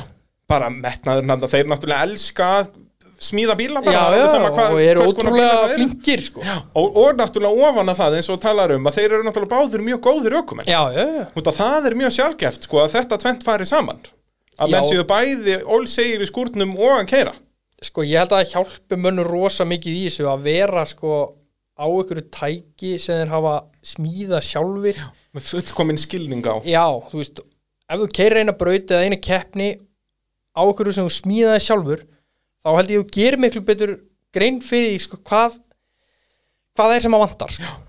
Já, Bara, og svona já, áttaði ok. fyrra á kannski heyrði nei, já, þetta er sennilega þarna stílan Já, þarna já, sem er að já, gefa já. sér núna eða þú veist hvað það er Ég hefði átt að hafa demparaturnin 8 cm en ekki 5 sko, eitthvað, þú veist út af því að þú varst í öllum þessum pælingum þegar þú varst að smíða það Já, þú varst svo með ferð að- málbandi sjálfur Já, bara já. hvað að vissinast sko. Svo ferð að prófa og hugsa, heyrðu, nei, þetta var sennilega, já, þetta átt að vera þetta en ekki, þú veist, já, þetta Þú er mjög góð punktur. rekuði svona á hotnin sko. Já, akkurat, frekar en að þú ert bara hoppar undir stýri og, og hérna vonar það besta Já, og þetta var það sem við gerum mikið líka, þú veist, að því að við vorum bara í þessu sjálfur sko. Já, já, Þú akkurat veist, við þekktum þetta, þú veist, ef það bila eitthvað í tækinu, þú veist, Þá þá vissum var við það bara, já, ok, 100%. það eru bara fjóri ramasvíra þarna og eitthvað, það getur bara verið þetta, sko. Já, já, mjög auðvelt að bílana greina Já, eitthvað sem mjög, að- mjög einfalt, sko. Já, fyrir utan náttúrulega torfærubílar eru svo yndisniði hvað það varðar að þeir eru mjög einfaldir Já, Þetta er ég held, ekki- ég held að það komi ekki til staðin fyrir einfaldleikan í tófari bíl. Já, og það er náttúrulega líka bara mjög mikilvægt element í torfærubíl að hafa þetta einfalt Já. Bæði upp á að bílana greina og náttúrulega bara gera við þú veist, Halli Pélendi þessu hérna þegar hann mæti með sjálfstæðanfjörunum fram hann að í einhverju keppni hann gati ekki skipt um driftskaft já, já, Hann bara kerði afturtriðun og bara það var ekki hægt að skipta um varahlut já, já. þú veist, þetta er náttúrulega og þetta er náttúrulega hlutur eins og sérstaklega þegar maður er að smíða bíl alveg frá grunni að maður pælir ekkert endilega í þessu þú ert, ekki, Nei, þú ert nei, aðalega ekkert bara í þannig, einhverju sko. bókonum bara með hérna, veitistur og bjúsunnið og allt þetta Já, sko, en já. ert ekkert Heyrðu, en ef við þurfum að skipta um þetta, heyrðu, þá bara reykist við í flækjurnar, þetta er ekki hægt. þú veist. Já. Það kemur yfirleitt eftir að hlutur um bilar fyrst, sko. Þetta er allavega sko, svona, ef að hausin á þeir er svona svolítið mekanískur í þessu, þá held ég að það hjálpiði mjög mikið í að smíða bíl og keppa svo á hann, sko. Já. Þurfu ekki alltaf að vera hingi í vini eða eitthvað. Akkurat. Það er hérna, hann stengunum er ynga rallaukumar, hann talaði oft um þetta, sko, hann smíðaði sér náttúrulega þarna Nissan rallybíl Já. sem hann var alltaf á í hverja gerði og, og talaði um það að hann vildi helst ekki selja hann út að hann vissi að síminn myndi ekki stoppa út að það er bara einn maður á Íslandi sem kann að gera við bílinn og það er maðurinn sem smíða hann Já, já, þannig að það, það er oft þannig að ef þú smíðar þetta sjálfur já, að þá þarf þú ekki að ringja aðra heldur þú reddar þessu já, sjálfur já, það er svolítið svolítið. uh, Hattum veturinn fyrir 2014 að þá var ég mitt í átt sest, skverið í bílinn svolítið aðna fram en þá var hann búinn að fara illa í veltu á eigilstöðum Já, hann snýrist upp á hann allan og, þetta var líka, þetta er eiginlega bara harkalegast að velta sem bílinn hefur farið já, jú, langkarkalasta sko. Í- Þetta í verður tímabraut. alltaf, já, veldunar í toffaru verða alltaf harðar herra hraðinur en mikill sko. það, er- við höfum oft talað um þetta að tímabrautir eru nú hættulegast hlutur í Já, þessu. það er langættulegastu hlutin í þessu, allavega hann að mínum að þetta, því að þið sjáu bara hvernig þessi bílar hafa farið í þessum tímabröndum sem hafa verið að velta og fara framfyrir þessu, sjáu bílinn hjá Jón Vilberg, þetta alltaf bara gerist á miklu hraða, já. já, samt ekkert skilur hann er ábygglega á undir hundrað en Já, það er já, já. alveg meira en nóg en þú veist, þetta verður svo harkalega. já, já. það er, ef hann er bara að rúla niður brekku ef bara þingdaraflið er að vinna á Já, hann já. að þá gerist ekkert sérstaklega mikið hann Og- bara rúla niður brekku Og þá ertu í tímabröndu út á kannski jafnsléttu, mjög hörðu undirlægi, þú Akkúrat. veist, og þa- þannig að þetta verður oft ansi harkalega þegar þeir velta í tímabröndum, sko. já, já, bara eins og núna á eigilstöðum um árið þegar þeir voru bæði margir að slasa sig og náttúrulega bílarnir að fara illa Já, sko. já, já, eins og hann hérna, doktorinn já, já, og, Birgi og Gísli og... Gísli er nú aldeilis búin að stökka upp í loftið á þessum bíl í gegnum tíðina, sko. ég heldur betur og þú veist eins og ég mann fyrst já það var, ég held að Gunnar Egilson hafi sagt það í mitt í viðtali að tímabrautir eru hættulegast í þessu 97 Já, já. þegar hann fer semst, í heimsbyggarkeppni að þá dettur hann úr leik út að veltibúri fyrir rúst bara í, og það var tímabraut önn- önnur braut eða eitthvað. Já, já, já. Nær besta tímanum að fyrir gegnum endarlið og velti þá. Já, já, Það já. var dásanlegt. En hérna, já, þannig að bílinn fer hans illa og þið sem sagt, þetta er kannski ekki beint breyting en það endið á breytunum aðeins en það ekki þó þetta var upprænlega hugsað bara sem viðgerði. eða Jú, viðferð. hann er bara svona, hann er grindatengdu betur fram sko í búrið og svona, hann, hann er bara svona, hann er styrtur því að hann var alveg auglust að þetta geti skeð og brautinar voru alltaf að verða meira og meira og þú veist, menn voru farnir að velta þú veist, ég held að Steppi Bjarniðins hafi verið búin að velta þarna í Já, Jónsjösta Jósefstalnum, ég held að það sé 12. Já, hann, hann var mjög harkalega Það var velta fyrir svakaleg gödubíl sko, velta, já. og hann fóð mjög illa hjá Hann honum fer bílinn þá sko. er þau ekki bóknar í honum veltibúri. þá Jú, allt er og ekki, hann það fara bara- dempararnir og Já, skáskjöðun og að fara og já, skekkistallur þú veist, eitthvað og- það fór mjög illa Já, þannig að það varð alveg deginu ljósar að þetta þyrfti bara að vera mjög stert sko.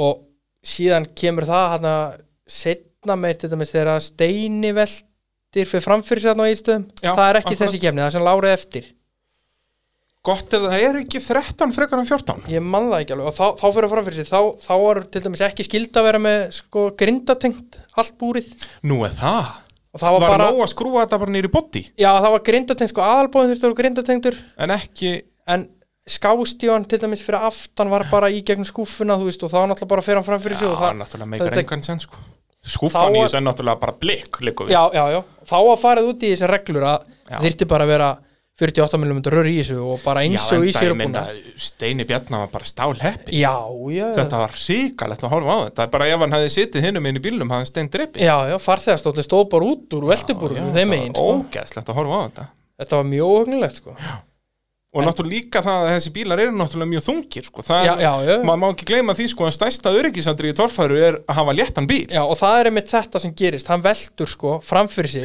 þannig- niður og fer á sko bara Harða, í- harðan jarðveg, þú veist, bara jafnsléttu bara jafnsléttu, Já. bara eins og lenda á steipu sko. og það eru mjög margar veltur í toffari sem hafa orðið harkalegar út af því Já, sjá þegar menn er að velta á akkurýri niður allt, þú veist, þetta er alltaf harkalegast þegar menn lendi í botninum sko, Já, já. eins og ási núna já.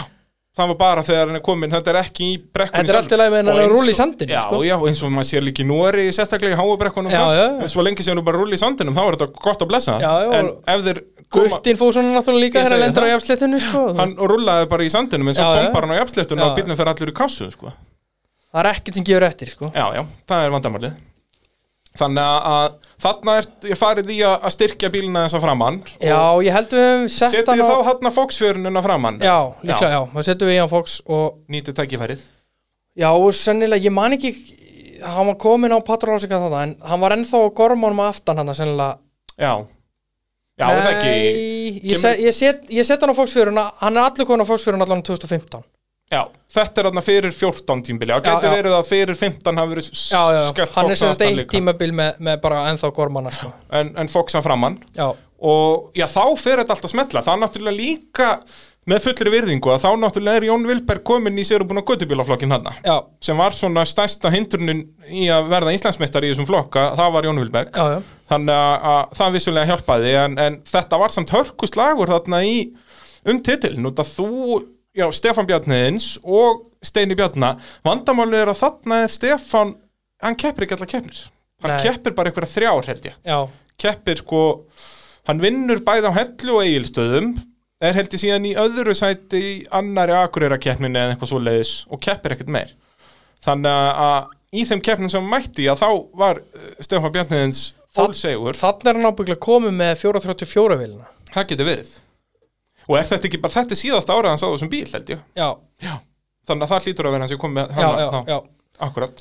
Uh, hann vinnur á hellu, þar ert þú bara í fjórðasæti. Þá er bæði Sævar og Steini Bjarna á undan þér og Já. náttúrulega Stefán Fyrstur. Þannig druknaði ég sennilega í læknum Alveg rétt, ég menn eftir því.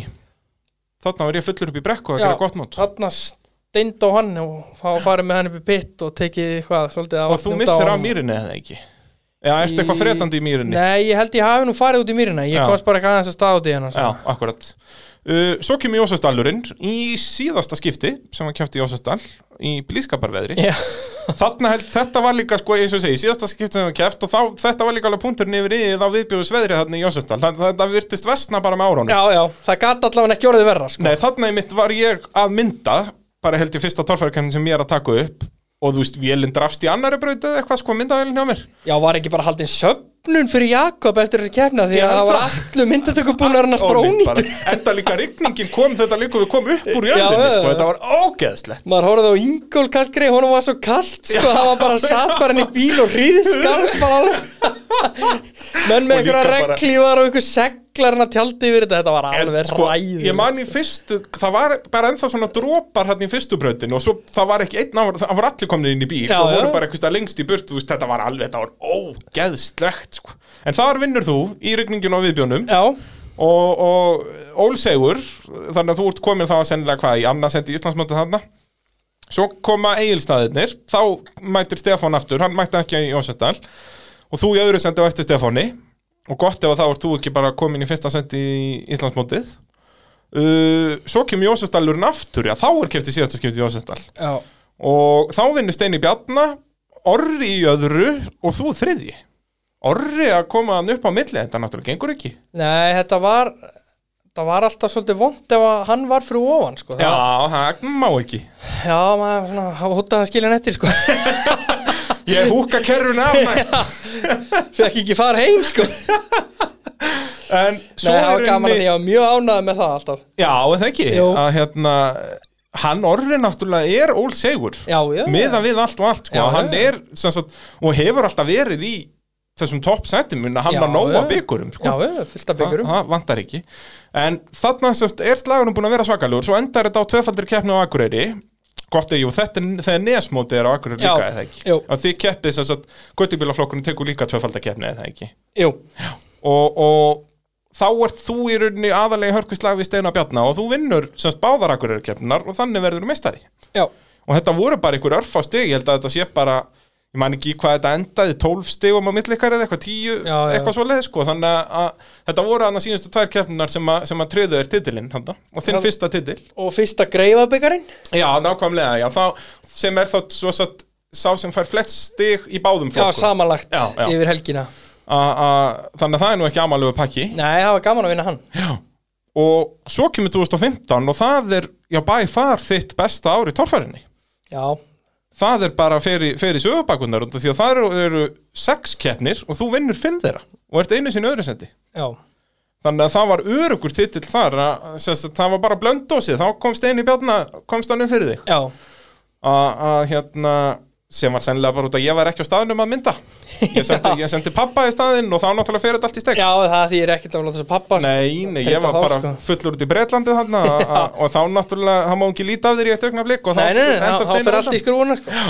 Þannig að, en bara s- svakalegur árangur, en samt ekki sko, þetta var ekki þá tímabil sem þú vinnur með flestum stiganun út af því að þarna er, út af steini er alltaf í öðru sem þú eftir, Já, já. þetta var svaka innví Já, já, já. þó að þetta lítur út semst af pappirnum sem ég er hérna með fyrir fram að mig að, að já, ég var vann bara allt, en þetta voru bara alltaf nokkur stiga Já, milli já. þín og steina Þetta var bara alltaf verið að Þetta var bara allt, í svona, eiginlega allt þetta ár þá var þetta alltaf bara svona ein braut Já, akkurat bara svona, einhver dreif eina braut Já. þú veist, og þetta munaði bara þú veist, 30 stigum eða eitthvað sko þetta var alltaf bara svona eins og þú segir að, að þetta eru sex brautir í fimm þeirra voru þið bara mjög svipaður muna kannski tíu stugum hér, Já, tíu já. stugum þarna en svo eins og þú segir, var alltaf ein braut sem annar komst upp en hinn ekki Já, og þá já. kom hundrasti að Já, já, já. það sem endaði síðan kannski í 60 stugum Já, já, já.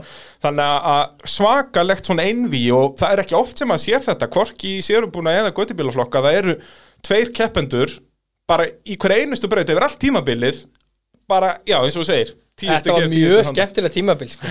svona mjög hérna, eh, svona stressandi að þannig að það var Já, mikið já. pressa Já, já, það var bara eins og við tölum um, það, sá sem gerði mistök fyrst að hann tapaði já, ef eitthvað bilaði þá var þetta búið sko. já þá náttúrulega út að þá endaður í fjórðasetti sko, Já, það voru já, já. yfirleitt fjórir að Já, fimm að já, keppa já, þarna og þá náttúrulega var þetta endanlega búið Já, og já. það er það skrýtna við göttibílaflokkin að að, sest, Íslandsmótið ræðist aldrei sest, það er yfirleitt í síðustu keppn út af því að þú endar alltaf í fjórðasetti þó Já, að þú það- bara mætir í fyrstu Já, já, breynd já. Ef það er eitthvað sem dettur út þá fær hann ekki bara 0 stig sko. Já, já, hann fær alltaf hann einhver bara 12 stig Já, eða já, eitthvað, eitthvað hvað það svoleiðis, er. sko. Þannig að, að hérna, þetta er alltaf, þú ert alltaf að safna stigum Þó að eins og þú segir, eftir, já, eftir já. skrúfunni uh, Já, kannski að hér eftir öllu tlíða Þá förum við yfir í 2016 og, og 17 og 18 Hvernig listur á það? Mér líst vel á það Já, það held ég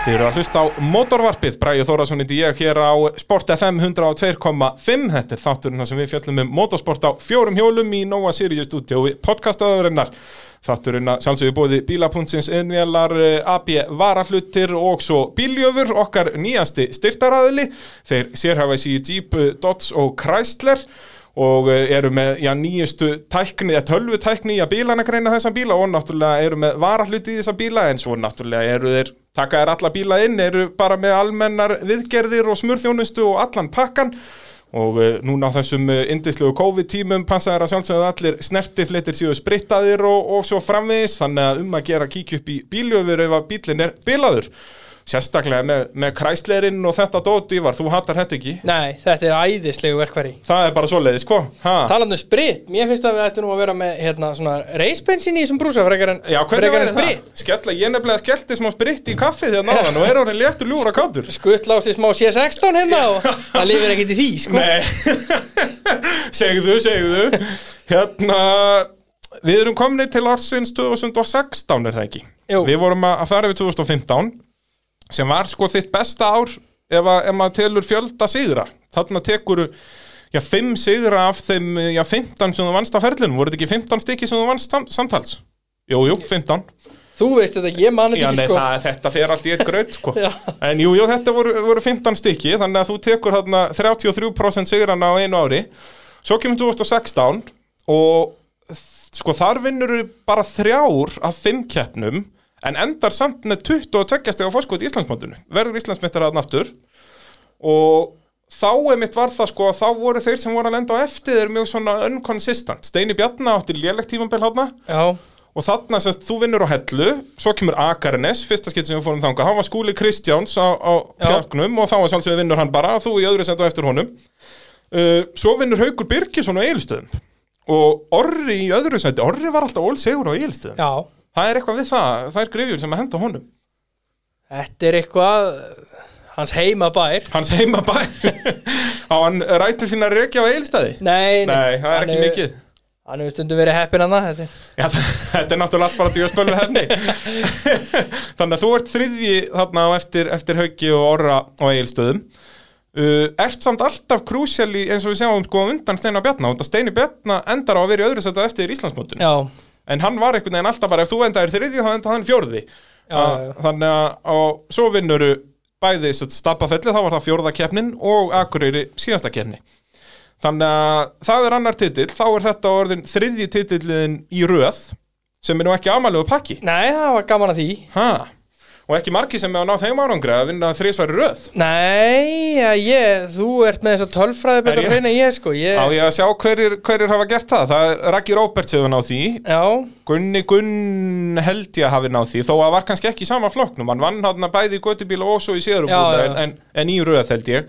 Gísli Gunnar Jónsson hefur náttúrulega náð því, hann á meti yfir, hann náði fimm tillum í röð. já, það er vel Þa- gert Það er o- nokkuð gott, Já. 97 til 2001 að þá vinnur hann allt, allt og allt Gunnar Pálmi, hann náði því held ég líka, jú, þrýr í röða þarna bara 95, 6, 7 eitthvað, eða 6, 7, 8 eitthvað svo leis uh, Steini Bjarna hefur ekki náð því að vinna þrísværi röð, gæti náði núna er hann ekki komið tvö, tvo í röð núna? jú, líklega, jú Þannig að ef hann tekur næsta ára, hann er hann þreymur í röð Átni Kopsson náði því náttúrulega, jú, þeir eru nokkur annað sem hafa náði Bergþór Já. Guðjóns náði því ekki Svo náði þú því, Snorri Þór náði því, hann var fjórun sinnum í röð Og ætli það sé ekki, that's it, sko Svo eru þeir bara hann nokkur sem hafa bara unni þrjá Og þeir voru, jú, Jón Vilberg náði þreymur í röð En það náttúrulega var, þriðji var í sér og búin að Sér, já, já, Hann vinnur sikka hann flokkur tvo, já, en á sama bílnum en á sama vilum þannig að hérna, þannig er tölfræðin komin fyrir ykkur elsku hlustandur Já.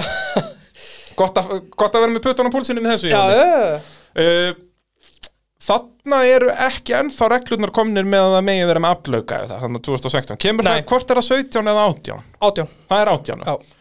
uh, og eftir að þú ert orðin meistar þarna þrjú í röð að þá keppir ekki 2017 hvað var í, í gangi þá, af hverju keppir ekki þarna, var þetta bara komið gott já, það var bara búið að keppa þarna mjög mörg ár í röð og svona og, sjö ári í röð já, þannig að þetta Bara var svona stanslaust. orðið bara þú veist, það stóð bara til að taka svona eitt ár í pásu og kannski vera með eitthvað einn og einn í keppni og svo fór hún eitthvað að mana rakka í að vera með og Ragnar Skúlason, Ragnar torfæru Skúlason legend já, heldur betur sem er sko, ef, við- ef við förum í tölfræðan aftur, ég veit að elska góða tölfræði, að Já. Raggi náttúrulega hann ná sko 13 sigra undir landsambætt íslenskar akstuðjóðafélaga svo er ég ekki með tölfræðin yfir Ísak út að hann náttúrulega fyrir að keppa það já, þannig að kannski er hann með fleiri sigra en þú, veist þú hvort hann hafi unnið marga keppnir hérna með Ísak? Ég held, ég veit það ekki sko. ég held ekki Býti þá var hann komin á, í sérubunarflokkin á Já, já. Galdragull Já, hann kemur náttúrulega fyrst í sérubúna bara 96 sko, Já, þetta er já. árið 2000 Þetta er, hann keppir hvað, tvö ár þá eða?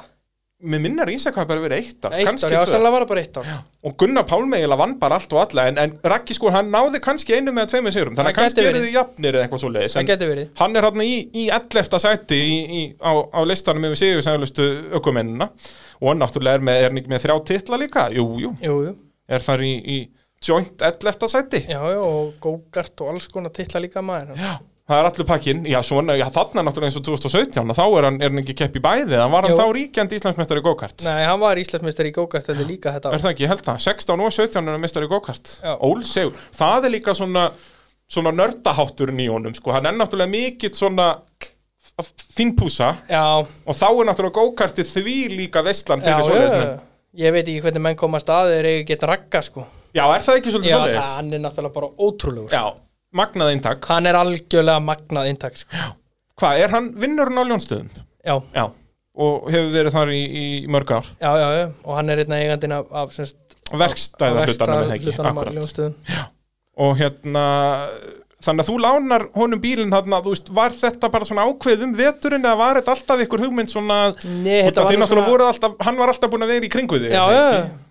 og þetta var bara ákveðið þarna svona um vorið sko. þetta Já. var bara svona eitthvað, það var eitthvað farað að manna hann og hann einhvern veginn eitthvað vildi dekkett og eitthvað og þá fóru náttúrulega bara allir að segja að hann var umingi og eitthvað og mannan eitthvað og hann þorði ekki og eitthvað og hann Ertu náttúrulega aumingi? gæti ekki setið undir því sko Nei, ég meina hann átti galla og allt, Já, ég meina, já. og hjálminn og allt, þetta er bara spurningum að mæta sko. já og svo fórum við eitthvað að staðna og sponsarnir mínu voru meira og minna tilbúinur að vera áfram með Já. og þannig að þú veist, þetta var bara svona spilaðist svona bara fingur fram sko Já. og ég meina það borgaði svona heldur betur að hann verði meistari já, já, það er byrjaði nú á kveld skýta á hellumanni eða það ekki, var hann velta hann ekki í tímabrutinni Jó, velti í tímabröðinu upp í móti já, bara gegn öllum eh, eðlisfræðilegum já, málum.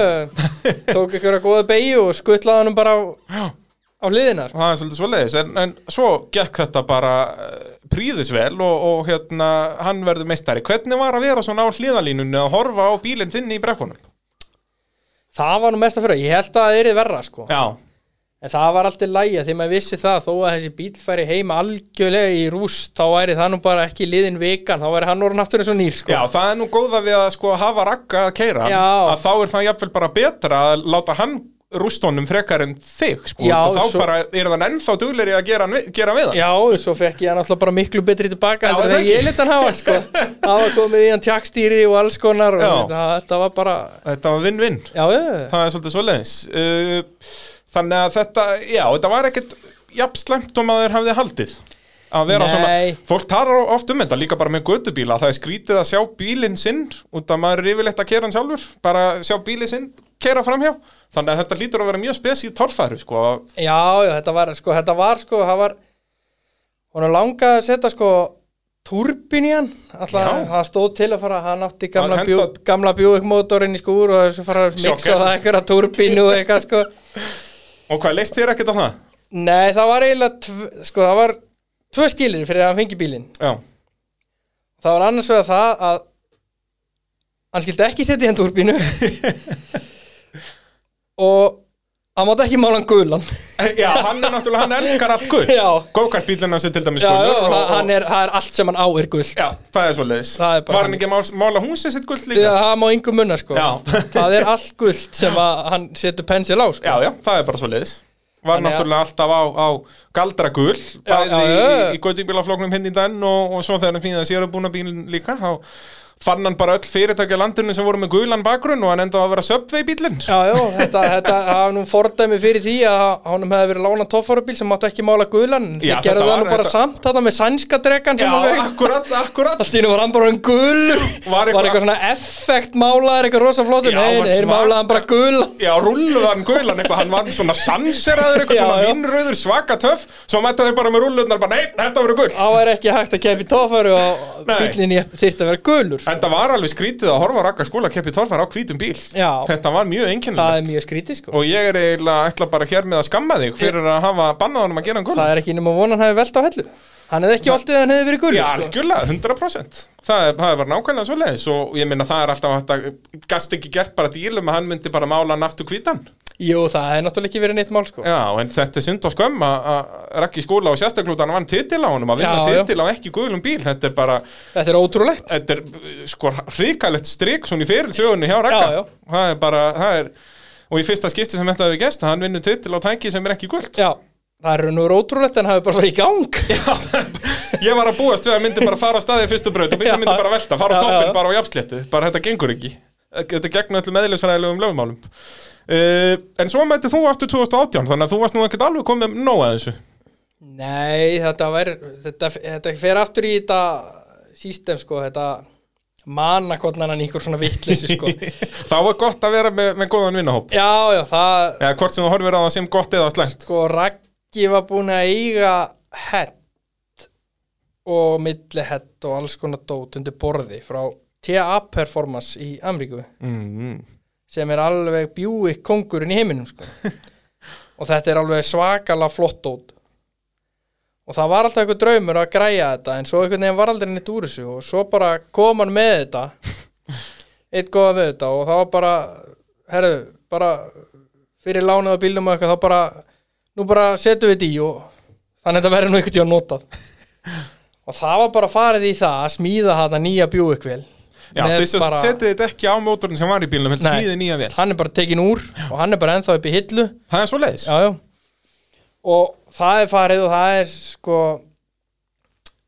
fengið í þetta ný blokk og allt fórseta mótorinn Já, Fossið, ef þú, ef þú segir okkur aðeins sögun af því já þetta er náttúrulega byrjaði þannig þetta fór í sko þetta fór í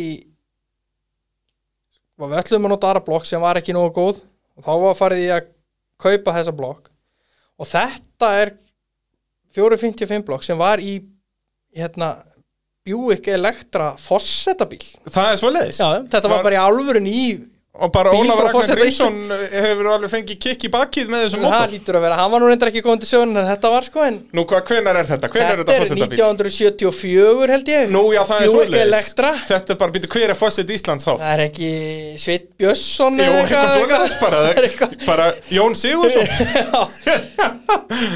hann var greinilega mikill smekkmaður Já, og heldur kom á betur. Buick. og síðan er, það voru til hann stangir líka og þetta náttúrulega passaði eitthvað mis mis illa í þetta allt saman og það- Heyrðu, Þetta er Kristján Eldjárn. Ég var- Kristján Ég var að googla Eldjón, þetta. heldur betur það er náttúrulega skömm að vita þetta ekki sko. Já, þið- með allt niður í þig, sko. og þessi að því þetta var fossetavél Já, þá náttúrulega var ekki annað hægt en að mála blokkin allavega gula sko. já.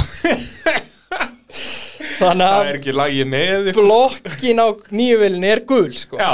sem er kannski reyndar ekki með praktísku litur í tófaravél Jú, er það ekki? Maður sér alltaf olíuleika og svona mikið betur. hún náttúrulega leikur ekki neitt ólík Nei, að sko. sjálfsögðu ekki, þetta er fórseta vel og þetta var allt skrúa saman og það var sett á þetta innspýting og hollirafkerfi Nú, hvað og bara- allur pakkin Kristján Eldað fjökk nú ekki svoleiðis Nei, nei, nei, eh, nei, hann búnað. var bara alvöru kall með blöndung Já, sko. nákvæmlega, engin helvitis Mín- aumask- au- aumingaskapur það Mínu skrúið bara í hans gálunni Já Kassi, það er ekki að stilla hana brendung eitthvað og það var farið í þetta að græja þetta allt og þetta var náttúrulega, þú veist allt í þetta var náttúrulega ógeðsla dýrt sko, rock, bara rockerarmændir á þetta kostuðu sko 1100 dólar að eitthvað Já, sko frábært þetta var allt svona Þá var Það allt er- orðið bara keppni svaka töff já þetta er sko hett sem eru sko offset það eru svo stóru ventlariðum að það er sko orðið lengra á milli þeirra þannig að það, það eru sérsmíðaða rockerarm á þetta Já, og þetta var svona svolítið mikið af einhverju svona óvæntum glæðningum í þessu gaman fjör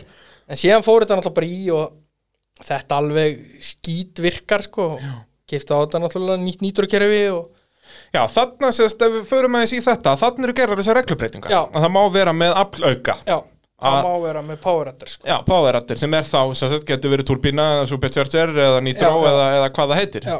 og, og eins og orri, hann fer í turbóið en var það, já, orðið fyrir turbo var það ekki komið að það mætti vera turbo en nýtró var bannað það Ég gæti held- verið, var jú. ekki turb, var einhvern tíman einhverja svona reglur með að það- það mætti, Sem- turbo var aldrei það var bara í reglunum að nýtró verið bannað þú Það gæti máttur vera, verið, vera já. með turbo sko. ég held að orðið hafi verið með Turbo fyrir turbo þetta. komið Já. árið undan ég held að það sé rétt hjá þér en þarna mátti nýtróið já, sem er, þú veist, þannig séð alveg sniðugt Já, já. þetta nýtró er mjög ódýr aflgjaf ef maður gerir það rétt Já, já, en maður var samt, maður var samt alltaf svolítið skeftískur á þetta þegar maður held að þetta færi þá s- endanlega ringin, sko. já, já, eins og gerðist já, já, einmitt að- það var að- komið, þú veist, það, menn voru konum með svona semitjækstýri og Já, já. þetta var eiginlega bara orðið það dekkin, sko. Já, bara skella skóplónum undir Já, og já. þá fer þetta sama hring og þú veist, og, og, það, þegar þú ert að byrja þarna í, í göttubílaflokknum þá er sérubunni göttubílaflokkurinn í ágætis blóma já, já, uh, og er þarna næstu ár, síðan deyr hann hann bara 2014-15 já. cirka. Og ég held að þess, 15 sé þessi síðasta götubílokkur svona í dag myndi sóma sér vel eins og sáflokkur Já, var, algjörlega, sko. algjörlega, þessi bílar sem við erum að sjá núna í, í göttubílaflokknum væru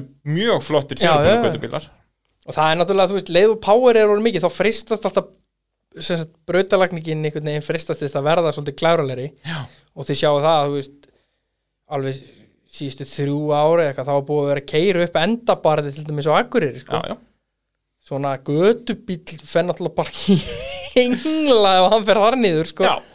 svona þannig, þá er þessi stætt og búri kannski jafnstært og annað, en þetta eru náttúrulega bara bodybílar, já það er þetta sko, er eins ekki og- bara einhverja blikkplötur, sko, sem er bara hægt að berja eitthvað í horfið, sko, Nei, út af eins og segir, bíllinn sest bara skuffan á skúfan villisjappa og hútt og Ef að hún drasli á, tvístrast öll, þú veist, þá er bíllinn bara ónýtt já, já Þú veist, þetta er ekki og þó að hún tvístrast ekki öll þá bara að gera við það er meirinn að segja, þú bara ferð ekkert með, og treppar í nýtt mót nei, nei, þú veist að, að það er alveg langt þú í frá, sko. þarft að vera laghendur Já, og, já, og, já, já. og ef þú ætlar að gera við svona skuffu og, og fyrir utan það að bíllinn eins og við segjum, hann getur bara eðalagst Já, já, um já. leið og að fer að snúast eitthvað upp á Já, þetta já, þá já. náttúrulega fer grindin með þetta fer allt í klessu, sko já, Og þetta, er, þú veist, eins og Steini Bjarni hefði mikið verið að tala um þetta, að þetta eru orðnar of glavralega brautir í kvötubílaflokkurum. Já, Hva, já. Hvað finnst þér um það? Ertu sammála sko, því ég að veit ekki sko, ef að þetta er orð, allt orðið aflagt í þessu skoðunaskildan og Mm. allir powerrætta leiðir og svona, þú veist, þá náttúrulega einhvern veginn verður þetta bara svona held ég sko. Já, já. Og, þú veist, aftur mín skoðun er svo sem áhörandi og, og mannesk, mann, maður sem er að búa til aftreyðingarefni um þetta þá er sjálfsögðu villi allir kútvelti og Já, rústöldu já. út og það er svaka gaman en ég skil alveg þetta argument Já, já, En- og hann er náttúrulega göttbílflokkurinn er orðin langt í frá þannig að þú getur bara eins og var, þú veist þegar ég var að byrja Já. að þú getur bara komið með einhvern villis með 350 á, á hérna, gormum og, og, og með bara einhverju búið til úr engu Já, já.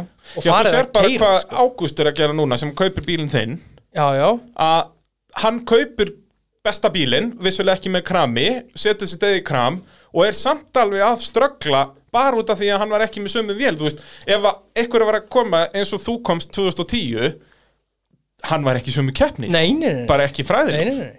En auðvitað er alltaf þannig þegar menn kaupa svo að Gústi kaupi bíli minna, þú veist, hann er bara, þú veist, Já, setur þetta eitthvað í og já. hann er bara að finna þessu pjólið í þessu og, Akkurat, en maður sá síðan í Hafnafyrði að þá var hann komin Já, bara í já, slæðinu þú fyrsta veist, þetta seti er bara eitthvað þetta vandar og hitt og eitthvað menn bara læra á þetta, þetta Akkurat. kemur allt sko En þá er hann samt að kaupa bíl þú veist, með flottri fjöðurun og, og, og sérst, full smíðaður bíl og allt þetta sko, Já, að- já. eins og við segjum að ef að eitthvað ætlar að kaupa já, fá gefins villins eins og þú gerðir sem var hálfa ónýtur og þú fórst Já, með já. skrúðin í gegnum að allstaðar og mæta þannig í keppni að, að þú ert ekki að fara að gera neitt sko. Nei, en á móti kemur kannski núna, nú getur þú fengið gangu þessa vel, kannski fyrir skít og priki Já, það Þú er getur kannski bara munurinn keftir einhvern LS mótor úr einhverjum pick-up og, og það er kannski, þú veist þú gerir alveg aðeins fyrir 500.000 sko Já, já, algjörlega Með svoleiðis Og vél, bara, sko. þú veist, eins og svona LQ-kra með þetta fræga sem að Já, Anna já, Gunnar er að nota eitthvað, þú núna veist. Svoleiðis kostar ekkert mikið pening með Já, einhverju bara, kínoturbínu bara eins og bílinn hjá geirivert, þú veist, það er nú eitt annað dæmi svona það sem að menn er að gera hlutina sjálfur sko, þú Akkurat. veist, hann smíðar þetta allt sjálfur og þetta hefur alltaf virkað og var úkislega gangvist og gott sko Þannig að það er að- margar leiðir til í þessu marga leiðir sko Uh, Þú keppir hann 2018, bara heilt tímabil, uh, vinnur ekki á hellu. Þar er það Orri sem tekur fyrsta sendið. já. Eftir, var það ekki bara í mýrinni sem hann náði því? Hann f- klára mýrina en þú ekki. Eh, líklega Mér minni það, þetta var svona, kemur smá svona bakki í endan og Já. hann er eini sem kemst þar já, á turbinunni sinni. já. Hvar, hvar var fósitin þá? Það Átti þú ekki var- að vera með allt aflið í heimi? Jó, það var eitthvað freka mikið vesen á okkur sko. við svo skemmdu velina í keppnin eftir sko. Nú í ja, ég staðan, raun og veru skemmu hana mjög líklega hann á hellu sko. í vatninu og drullunni. já. Það er svoleiðis. Hvernig, hvað, tekur hann vatninu á sig? já, ég eiginlega veit ekki alveg hvað- sko, Er hann að beigja vendla þá? Eða, þú veist, nei, hvað er... það sauð á henni Já, og hún fór á höfulum Það er svoleiðis Já. Og en hvað, var Bara- þá ekkert glamur í henni strax eða bara, Nei, svo bara hana í stapafelli þá fer hún það var fred í nýdróinu og það var eitthvað loft á flöskunni og eitthvað, það var eitthvað algjört rugl sko. en, þú vinnur samt í stapaðalli Já, en það var sko, við skiptum um skiptingu í honum í stapafelli í Af því að- miðri keppni Já, þá setti ég ný skipting þá tók ég gömlu skiptingun úr sko, sem ég var búin að keppa með öll árin Mhm. og og þá var sjálfsögðu bíla nýja stöfið Já, það var nú ekki flóki bílum sko, svo það var að fara að kíkja á hana hvað þið klikka, þá glimtist hún bara herði hann síjuna, hún lá nú bara í pönnunni. Skellur, þannig að en síðan var bara gamla skiptingin höfði í ennþá og, og hún er ennþá í hún ég segi, if it works, don't fuck with it það er bara svo Það er nákvæmlega þannig uh, Svo koma hann þrjár keppnir í röð Egilstaðir, Akranes og Akranes hann á tvöföld keppn á Akranesi Það sem að Steini Bjarnar vinnur og þú í öðru sem þú eftir honum já, Þarna bara er, er Steini með því í vasanum já, já, Og þá leit þetta nú ekkert sérstaklega vel út. Þá er þetta bara algjört sjódán á Akureyri sem er síðasta keppnin. Þá bara hvor ykkar sem er á undan hinnum verður mistari. Já. Það átti engin annar sens. Þetta voru bara þið tveir. Enn og aftur, hérna, einvíi milli ykkar tvekja. já, já, Og þar vinnur þú þetta bara í síðustu breyti síðustu keppni. já. Þú varst komin með eitthvað pínu fóskotmanni. Ég held að þú, veist, þú hefði þurft eitthvað að kveldskýta á því í síðustu breyti. já. það brotnaði sko í fymtubröðinni þá brotnaði olíu síðan af mótornum Alveg rétt. Þá lendir þú stekkur upp og lendir, alveg og frekar harkalega. framásingin brýtur það var svona olíu sístam á þessu sem að síðan var svona upp í kvalbakk og svona eitthvað voða fínt dót og ég veit ég ekki hvernig þú- það hlýtur að hafa Fjaðrar farið- hann þá bara það mikið upp? Já, eða það hlýtur eiginlega að hafa farið grjót á milli þau komst alveg nefanum á milli sko, þegar hann var í Já. fullu sannslættu og eitthvað það gerðist eitthvað svo leiðis og það er náttúrulega ekki semst mótorum fjarar ekki, það eru solid mótorfestingar Já, í þessu þú veist, þetta bara brotnaði af. enda líka svaka högg, þetta er þú stekkur átnu upp lendir á afturdekkjum og svo pam Já, já, a- a- já. fram og þetta var, það var bara útlýtt fyrir því að ég væri ekkert að fara í síðustu brautina sko. já, ok síuhúsi var bara brotið, þú veist, það voru eitthvað gengjur eða neitt fyrir síuna sko.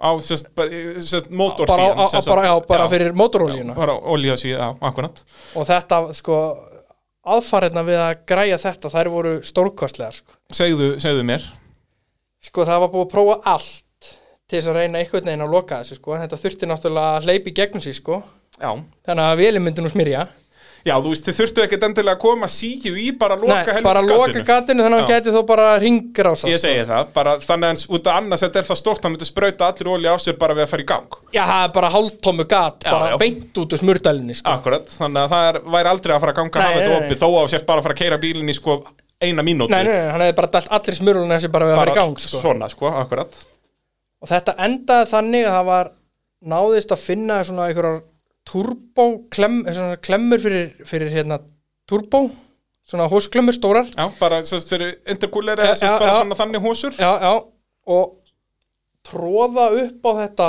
sílikon hósu svona einhverju þryggjatómu sílikon hósu og tróða inn í þessa hósu gömlum bens samsláttapúða og setja á það svona 15 hósuklemmur og bóra gat í endan og bensli og gera og græja sko og meiri sér að Raggi var búin að gefast upp og hann var búin að snúa sér undan og Það eiginlega er hættur svoleiðis. sko þá er nú fóki í fleskjól Þá sko. er mikið sagt, Já. þegar Ragnar Skúlason er búin að gefast upp við vorum nokkri hérna ég og, og, og Sævar og, og hérna skúli og ykkur sko, þú veist, og þetta bara hafðist og, og drusla fór í gang sko. Já, og svo kom Raggi hlaupadagir laðast að þú stoppar ekki og þú horfir ekki á smörulífumælirinn það er nóg til einhverju djöfistraslít bara kerðu anskotna sprautina og svo var bara að fara í bröðina og það, ég minni mér sem ég hef kert hennar ræstilöst þannig að þetta var bara, Já, það ekki, það þetta er var bara hérna- mjög skemmtilegt sko. og eins og ég segi, þú varst komin með þarna ég man nú ekki hvað það var, þetta held í hundrasti á fórskot sko, þú hafðir þurft að, að, að svolítið kveld skýta já, já. þannig að sem betur fer uh, slapp það En Og- þetta var árið, ég, hef- ég hef aldrei eitt eins mikið pening í þetta, aldrei eitt eins miklum tími í þetta og þetta var eiginlega bara algjört brask. Já, þetta er, maður horfir á ferilin hjá þér Þetta var að þetta er sem sagt algjört brask. versti titilliðin sem er samt eiginlega besti út af því að það var svo Já, mikið já, drama já, en já. svona minni stæðastur en sem sagt, þú vinnur hann bara með tveimur stigum bara minnsti mögulegi munnur í Já, já. rauninni að að, hérna og já, vinnur bara tvær keppnir af sex að, eins og þú segir, þetta var Já. mesta Já, brasið já, þetta Það- var, þú veist, enn og aftur, if, if it works, don't fuck with it já, það er svolítið. Það er bara þetta, þannig. þetta var langur aðdraðanda þessu, sko. Ég vildi ekki fara í svona víramótor, sko. Já. Ég vildi bara vera áfram með Já, skoðunni, út af- þetta hefði alltaf virkað og... Við vorum að tala um þetta Já. áðan að þetta var svo þægilegt og þetta bara virkaði og þú vannst og vannst og vannst og vannst það var Svo engin þetta fór ástæðan til í- að fara að breyta fór þess ekki í ganga eitthvað, þá ertum maður bara að ringi vinn og þú veist, það var meira Já, að segja, nákvæmlega. sko, ramasvírar í, í, sko, í hérna, loftreynsar og ég veit ekki hvað og hvað sko, ég voru komnir einhverju flow-sensorar hann já, en það var fullkomin djöfullir innspýting frá holli á þessu sko, Uspar. maður botnaði ekki neitt í þessu sko. Nei, en svo var náttúrulega bara að setja maður sér inn í þetta og þetta er náttúrulega Já. geggja stöf sko. heldur betur, kappastu stæmi Hvað eh, varð af þessari vél? Er hún upp á hillu líka bara? já, hún er bara í standi, tilbúin Gera gott mót Já, Eh, já. Svo selur bílinn semst, kramlausan bara Já. semst, ekki með vél og skiptingu Jó, það fór með honum einskipting Það fór með honum einskiptinga og ljónakassinn Já, En já ég- alveg rétti, það var komið ljónakassían já, já, og, og Ágúst kaupir hann já, og er svona bara búin að vera að bæta sig jæmt á þétt í sumar þó að kannski úslitin sínað ekki ég held að hann sé alltaf, nei hann er nú ekki alltaf búin að vera í fjörða nei já, ég, en hann ég- er búin að vera að bæta sig maður Já, sér já. það, eins og hafnaferði þar var hann bara held í einhverjum 150 stugum eftir fyrsta setinu Já, þú, veist, þetta kemur bara, menn eru bara eitthvað að reyna að finna þetta aðeins út menn, hann alltaf bara tekur vélan úr gödubíl já Setur og hana hann var í beint í- blöndungsvesinu mann í Já, hann já, þú fyrstum veist. sinn og, og svo rettaði hann því bara og bílinn hann var að ganga vel eins og ég segi í síðustu kefni Já, þá já, bara já. var þetta flott og og, eitthvað svona, menn að finna út úr einhverju nýtrófið sinni og svona, það bara, hann verði ólsegur á næsta ári já, já Það er þetta ekki- kemur allt, sko. hvenær ætlar að smíða þér sérbúin bíl?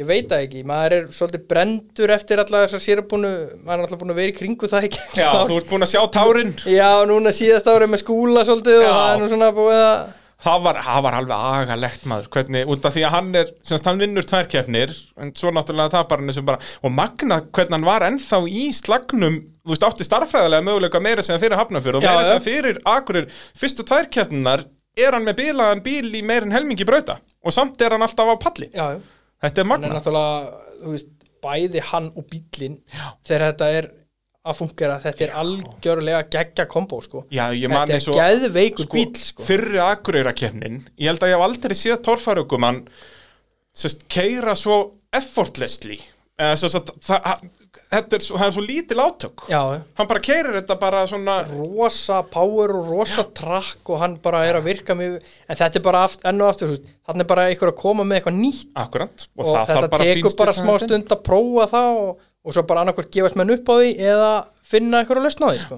og lausnin er, já, svo sannlega komin allan var ekkert fúsk og frett í hafnafyrðu og þá var þetta bara Nei. fyrsta setið það er eins og þetta er búið að vera hjá honum í sumar þegar þetta er í lægi, að þá vinnur hann bílarinnar þurfa nú ekki alltaf að vera flóknar þetta lítur Nei, út svo fyrir það að hvað- þetta hafi bara verið bílaður nýfrói já, og en Með- þá með þessa- auðalegra á með einn þessa- stöðum hann með var bara þessa gang- stíplu loft síða já já en þetta gangveisin sem búið að vera í honum hana núna það er bara mjög líklega bílaður nýfrói já, þetta þarf ekki að vera flókið nei en nýfróin sem slita ekki reymannar Nei, svo er það líka það, það er líka sem var pínlegast í þessu að það var einhvern veginn alltaf mismunandi bílanir það var ekkert alltaf sami já já hlutur en það er eins og það er þetta kemur heldur betur, uh, verður á meist ári á næsta ári skúli Já, já, það er svo leys Já. Þið heyrðu það fyrst hér, gott fólk já hann verður mistar hans Þakka þér kærlega fyrir þetta, Ívar og takk fyrir spjallið takk fyrir mig og gaman að koma Já, og hlustendur, uh, þið þekkið þetta, ég elski ykkur öll og, og takk fyrir að hlusta. Þetta var allt saman í bóði bíla.sins, innvela, AB, varafluta og bíljöfurs.